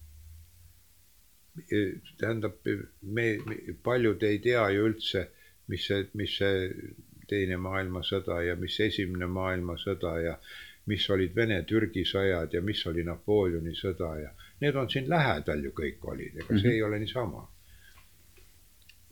mida, kuidas sa ise tunned, et, et kas meil on mingi kasutamata potentsiaal meie inimestel? ütleme, kui me mõtleme sellist riiklikku kasvu või ütleme, rahvusvahelist konkurentsi, et, et mida me saaksime parandada oma, oma, oma oskustes ja käitumistes, et, et meil läheks rahvusvahelises konkurentsis paremini? No mis, kuidas rahvusvahelises konkurentsis käituda, ma arvan, et eestlane ei ole eriti niisugune tulise temperamendiga ja eestlane võiks, võiks suhelda teiste, teiste rahvaste, riikidega küllalt, küllalt niisugune sõbralikult, kindlalt, argumenteeritult ja arusaadavalt, sest meil on suhteliselt hea hariduslik tase on mm -hmm. Eestis. ja, ja, ja, ja tähendab mm, ja meie üks niisugune suur eelis on võib-olla see, mida ennem me rääkisime siin, et mis meil on, oli nagu, nagu, nagu miinuseks meie geograafiline asend, kust kõik läbi eh, voorisid, siis see on ka mingil määral eelis, sest see on nagu suhtlemise eelis, see on kaubavahetuse eelis ja, ja noh, no võib-olla, võib-olla tulevikus eh, suhted, eh, suhted Venemaaga, kui seal midagi muutub, demokraatlikumaks, kui, kui võib-olla see on praegu kaubavahetuses on Eestis, Eestis väga hea positsioon Venemaa ja Euroopa vahelises kaubavahetuses, aga, aga no see sõltub Venemaast. see mm -hmm. ei mhm. ole meie, see ei sõltu meist mm. -hmm. nii et see on üks, üks selline eelis ja muidugi, muidugi eh, vanemal põlvkonnal on vene keele oskus, noorem põlvkond muidugi vene keelt ei oska enam aga, aga selle eest, selle eest me oleme hea kooliharidusega ja õppimisvõimelised, nii et inglise keel on ka selge enam-vähem kõigil mm. -hmm.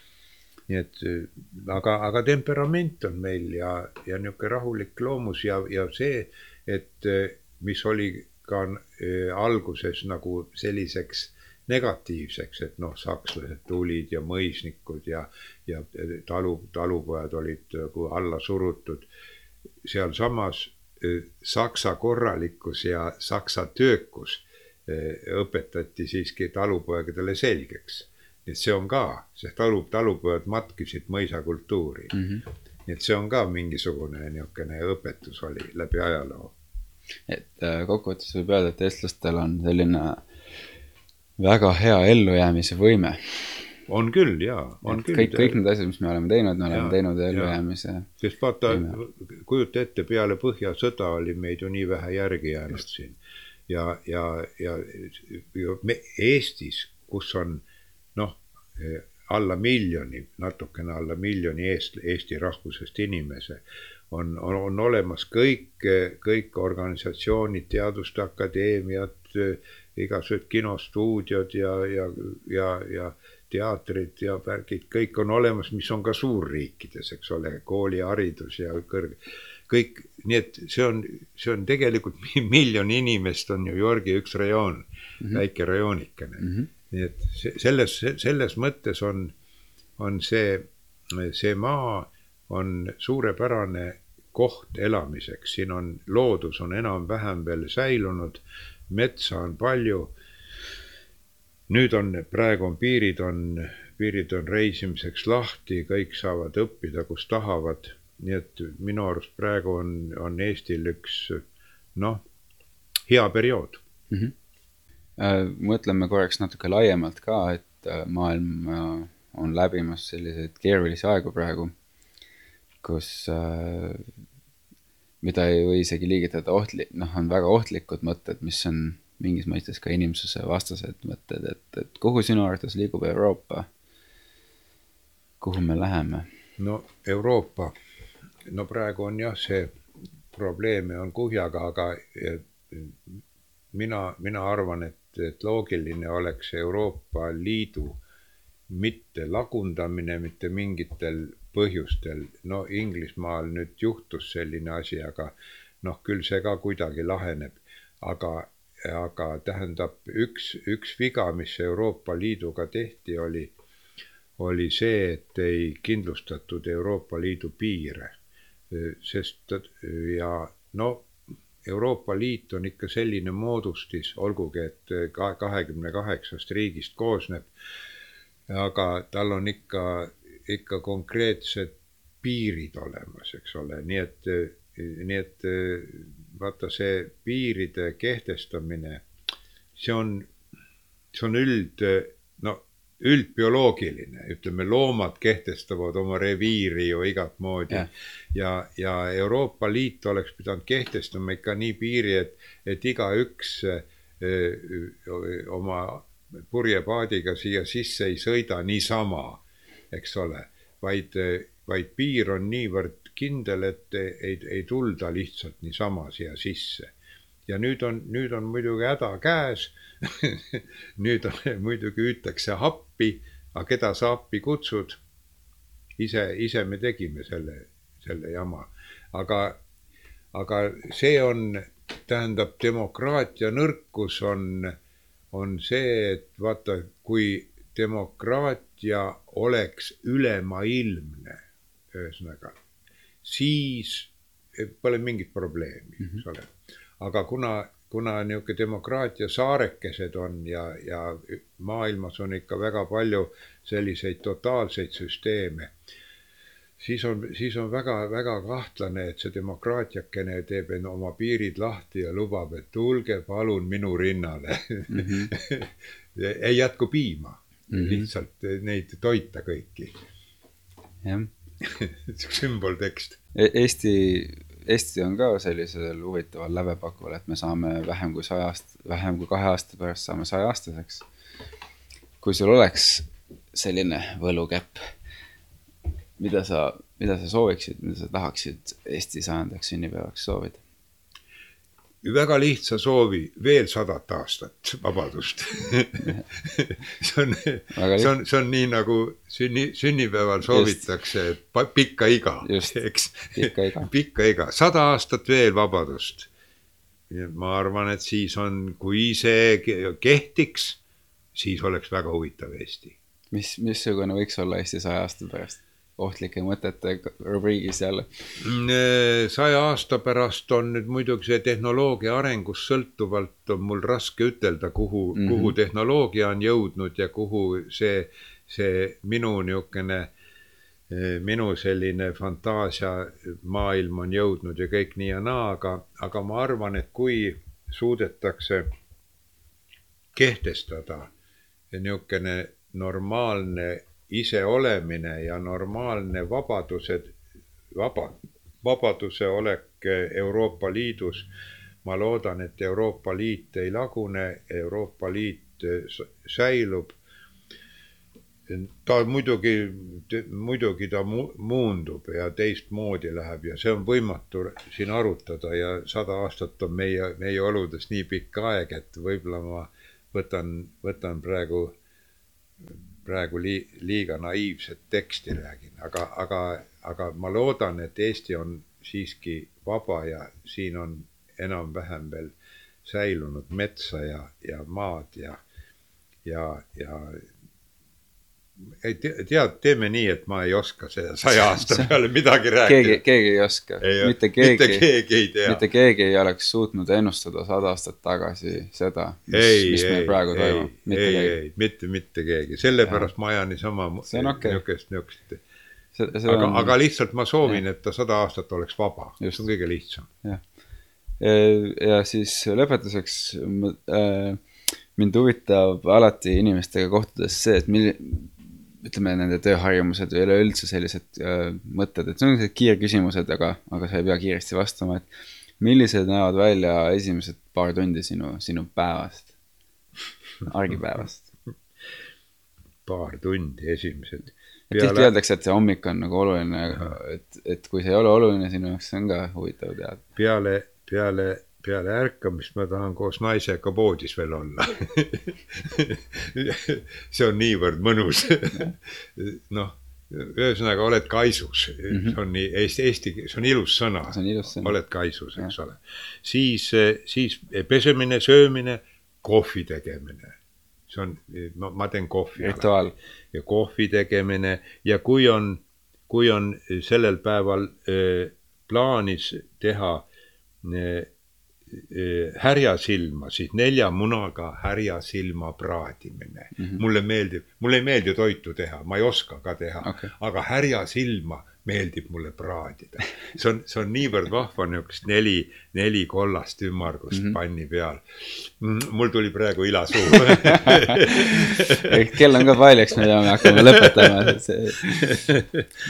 aga milline on sinu selline lemmik tööharjumus, see on nüüd selline veider küsimus, aga e-, eriti sinu, sinu kontekstis, kus sa võid valida, mis iganes sa tahad et, et aga on sul mingi selline asi, mis aitab sul oma tööd paremini korraldada, mis sulle meeldib, et, et, et su maalid on väga, väga hästi siin organiseeritud näiteks, et sul on iga asi omal kohal ähm,. ei no. või sa ei ole selle peale niimoodi ei, mõelnud üldse, et ma. ma spetsiaalselt ei mõtle selle peale, see on just. ilmselt iseloomu küsimus mm. -hmm, tähendab, tähendab harjumus, harjumus on see, et et, et ma saaks, kõige parem oleks see, kui mul oleks niisugune rahulik, rahulikku vaba aega. kas või paar-kolm tundi, see on mm -hmm. niivõrd mõnus. ja noh, mis eriline harjumus see nüüd ikka on, aga see on nagu. aga las ta jääb, see ei ole nii oluline. et mis on, milline on suurim valu, vale arusaam sinu kohta? no võib, võib-olla mõeldakse, et, et ma ei ole eriti tundlik inimene. võib-olla, võib-olla arvatakse, et ma olen suht pikka kasvu ja, ja kõva häälega ja nii ja naa. aga, aga minu tundmiste ja tundeskaala on võrdlemisi suur mm. -hmm. kõige, kõige, kõige niisugust härdumusest ja nutmisest ja härdumusest kuni tõesti kõva vihastamiseni, eks ole nii et võib, võib-olla mõeldakse, et ma olen niisugune noh, tümikas ma ei tea Eesti, eesti keel on muutunud ja, väga kummaliseks, eks ole. nii et, nii et see, see on võib-olla, ma ei tea, ma ei tea, siis peab seda. see on väga hea vastus. ja no mis ma teha saan, no, väga... ma ei oska. et väljendusoskusega sul probleeme ei ole ah, suurepärane, aitäh. et selles mõttes, et, et, et see puudutas ka seda vastust, ma pigem mõtlesin, et, et on, et, et ma usun, et kõikidel inimestel on see skaala nagu härdusest vihastamiseni, aga osad ei näita seda välja ja hoiavad ei, seda kõike sees. et ei, sa elad väljapoole ja sa oled terve seetõttu, et sa elad. ei no., ma ei häbene mm, -hmm, ma ei häbene seda. Ähm, kui sa kohtuksid oma kolmekümne aastase minaga, mida sa soovitaksid endale? kolmekümneselt ma lõpetasin kunstiinstituudi äh, no mis siin soovitada, kõik on okei okay,, mis ma tegin, aga ühte asja ma võin soovitada, et joo vähem.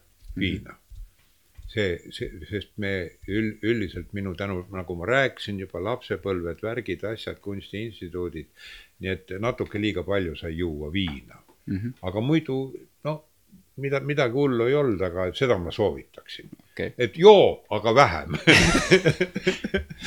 väga hea. Praegu, praegu on Eestis kampaania joo poole vähem poole vähem, jah. Uh, äh, kas sa kingid inimestele raamatuid? oled sa sellist tüüpi inimene? võib küll jah, kui, kui soovi on, ega ma ei, ei, ei hoia endale. ma küsin ja seda. see, mul on niisugune üks Exlibriste raamat, sada üks Exlibrist, seda ma ikka kingin inimestele, ma ei tea, ma olen sulle ka vist kinkinud selle Exlibrise või ei ole? ei, me olime, me jäime aastaraamatu peale, üks, üks aastaraamat oli, see oli okay, sümboolse no, siis..., sümboolne selline jutt oli seal taga meil, kui Aha. me tegime. no siis, siis vaata nüüd, nüüd täna ma kingin selle üks, sada üks Exlibrist see, see küsimus ei ole selle tagamõttega.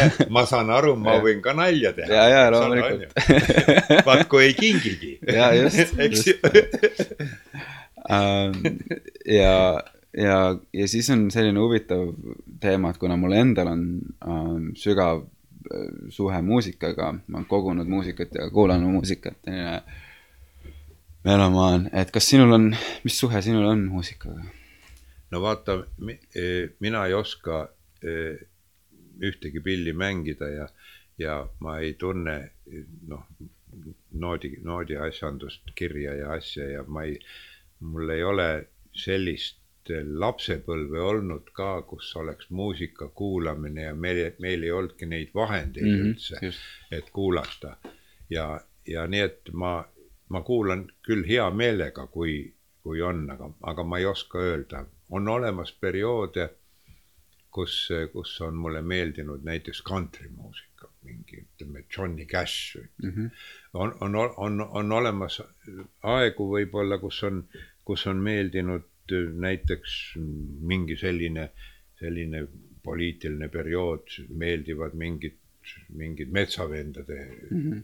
laulud või, või Eesti legionäride marss või midagi sellist. no see, see, need on niisugused hetked, mul ei ole niimoodi, et oo oh,, ma nüüd täpselt tean ja nüüd äh, ainult see muusika, see on väga-väga mitmeplaaniline. aga, aga sümfoonilisest muusikast mulle meeldivad noh, sellised eh, tundelised, ütleme, ütleme seal noh, romantikud, ütleme Tšaikovski ja Chopin ja sellised, mis, mis nagu mm, hinge vibreerimine, selline niisugune noh, see on, see on päris huvitav. see, see nagu ennem ma ütlesin, et mul on üks ots on väga tundeline, üks ots nii et see on nende jaoks, aga, aga loomulikult hea, hea sümfooniline muusika meeldib ikka. ja ma küllalt tihti kuulan muusikat ka, kui ma maalin mm. -hmm. aga see, see on mitte nii, et ma, siin on, siin on suurepäraseid lugusid on, mida ma ei oska, ma ei, ma ei tea kõiki pealkirju ja ma ei, ma ei, ma ei ma ei ole mm, -hmm. nagu, nagu sina ütlesid, melomaan, eks ole. ma, muusika on muusika. see on, see on umbes nii, kui sa või sa küsid mu käest, et millised maalid mulle, millised kunstnikud mulle meeldivad. kord nii, kord naa, eks mm -hmm. ole, ma lähen muuseumisse ega, ega ma ei vaata nüüd, et vaata, et kindlasti ma pean leidma, vaata nüüd selle kunstniku. ei, ma võin jalutada, vaadata, oo, vaata kui huvitav pilt, lähen juurde vaatan, ma ei teagi seda nime mm, -hmm. eks ole, nii et, et see on, maailm on, maailm on nii mitmekesine ja võib-olla sellepärast ma ei takerdu ka ühte süsteemi sisse, vaid, vaid mul on vaba mõtlemine ja vaba, vaba tundmine ja vaba mõtlemine. ja sellepärast ma seda tehnoloogia tulevikku olen ka ise pusinud ja mõelnud see on, see on jõle huvitav, see on, vaata, kui see akadeemia number ilmub mm. -hmm. no sa oled Ameerikas juba siis. noh, see on lihtne tellida. aga sa saad ju sealt tellida, eks ole. oktoobri number, juhul kui on. see oleks mulle küll ja muide, praegu ilmus raamat minu ja Ilmar Vene kirjavahetusest mm. -hmm. me, meil on kakskümmend aastat kirjavahetus mm -hmm. Ilmar Venega ja, ja Ilmar Vene on esseist ja filosoof ja saksa eh,, saksa eh,, saksa keele eh, ta lõpetas Tartu Ülikoolis, filoloog. ja, ja meil on temaga kirjavahetus ja esimene eh, raamat anti välja nüüd nelisada viiskümmend lehekülge, niisugune paks. ja kol kolm köidet tuleb wow. Ja see on, tead, see kirjavahetus on nii, vaat see on ka üks niisugune minu lemmik, see on niisugune kaif. saan, saan kirja, käsitsi kirjutan, mitte kompuutriga mm, -hmm. eks ole, käsitsi kirjutan, noh yeah. vanusest tingituna ja, ja, ja, ja ma oskan sellega ka, aga mm, -hmm. aga ma, kaif on käsitsi. ja, ja, ja mis ma veel teen, mis on erakordne, panen kupeerpaberi alla saad aru, see on nii nagu lapsepõlves, nagu lapsepõlves oli. Kupeerpaber ja. ja kirjutan, üks kiri koosneb kahest leheküljest mm. -hmm. ja jah, ja, ja nii et, nii et kui selle, selle raamatu, raamatut ma võin sulle näidata, selle, see on, see on, ma loodan, et ta on juba müügil ka, ta on kuramus, kuna väike tiraaž ja paks raamat, siis ta on võrdlemisi kallis, ma ei tea kolmkümmend eurot võib-olla mm, -hmm. eks ole, aga noh, see on nii et, nii et kui sa minu vastu huvi tunned mm, -hmm. siis osta see raamat. ma näitan sulle seda, aga ma kahjuks ei saa sulle. jah, see on okei okay., see on... ei ole üldse oluline. nii et vaata, nüüd ma tegin juba reklaami ka. see on väga hea, näed, see, seda, seda kuuleb väga ja, palju inimesi. ja, ja, ja, ja, ja um,, ja, ja. igal juhul sa oled, sa oled väga, ma ütleksin, sa oled väga avatud paljudele uutele no, asjadele, no, et. Äh, seda küll, oota, ma näitan seda yeah.. oota üks moment. raamatu pealkiri on Ilma naljata, näed, selline mm. -hmm. päris paks köide, et see. jaa, väga ilus raamat. kirja, kirju, sisaldab kirju. väga-väga vahva. see on esimene e, e, esimene kuus aastat kirjavahetust, üheksakümmend neli kuni kaks tuhat siin on joonistused ka sees. siin on mõned üksikud, aga nad ei saanud kõiki panna, sest ma mm -hmm. iga kirjaga saatsin Ilmarile eh, mingid fotod ja mm -hmm. värgid, aga need oleks läinud liiga värviliselt, eriti no raamat oleks läinud liiga kalliks ja seda. no lihtsalt vaene riik ei, me ei jõua välja anda niisugust mm -hmm. asja. ja, ja nüüd kaks köidet on veel, ütleme järgmise köite juures on võib-olla rahalisi probleeme, siis ma ei tea, kuidagi peab seda raha kokku ajama mm. -hmm. nii et see mulle on õudselt tähtis, tead, see on niimoodi isegi oli. Neid kirju on, eks ole, mitmed sajad ja kui, kui tekkis eh, Ilmamaa eh, kirjastusel niisugune tunne, et, et võiks avaldada, ega me seda ei kirjutanud selle jaoks yeah., et avaldada siis ma mõtlesin, et oh hullus jah, et vaata kui huvitav, et väga huvitav, kui avaldavad ja ma ei viitsinud neid kirju teist korda läbi lugeda. sidusin nööriga kinni ja andsin selle paki neile ja nüüd ma loen teist korda. raamatust. pagan huvitav, kakskümmend aastat tagasi, mida ma mõtlesin ja, ja kirjutasin. sest vaata, vanu kirju ei tohi kunagi redigeerida, mitte mm -hmm. kunagi, see on, see on, sa, sa ei saa oma elulugu muuta ju mm. -hmm. ja sa ei saa oma mõtteid muuta. Pole mõtet ennast värvida parematesse värvidesse, kui sa oled. nii et selles mõttes see raamat on väga hea Jüri, ma väga täna, tahaksin sind väga tänada, et sa leidsid selle aja äh, minuga vestelda. no see on. et äh, see on, see on alati nii huvitav ja ma äh, tunnen, et kuidas ma, kuidas ma ennem niimoodi ei näinud või, või ma õpin nii palju sinu käest iga kord. nii et äh, alati on tore sinuga vestelda no, no aitäh, aitäh. see on nii, et kuida-, kuidas öeldakse viisakalt, et tänu on minupoolne, eks ole nüüd sa juba tõlgid inglise keelest nii et, nii et kõik on, kõik on okeis, et mulle noh, kuna ma, kuna ma ise ju ei tegele kirjandusega niimoodi otseselt, siis, siis mul on, mul on niisugune soov loomulikult rääkida mm -hmm. kunstist ja maailmast ja nii et, nii et suur, suure, suurepärane, nii et aitäh. head kuulajad, sellega on meie tänane saade läbi. nagu alati äh, on saate märkmed ja saade ise järelkuulatav äh, veebilehel memokraat.ee. kui on mõtteid, kellega ma veel võiksin rääkida järgmine kord siis saatke mulle kiri globaalsed eestlased at gmail.com. Kuulmiseni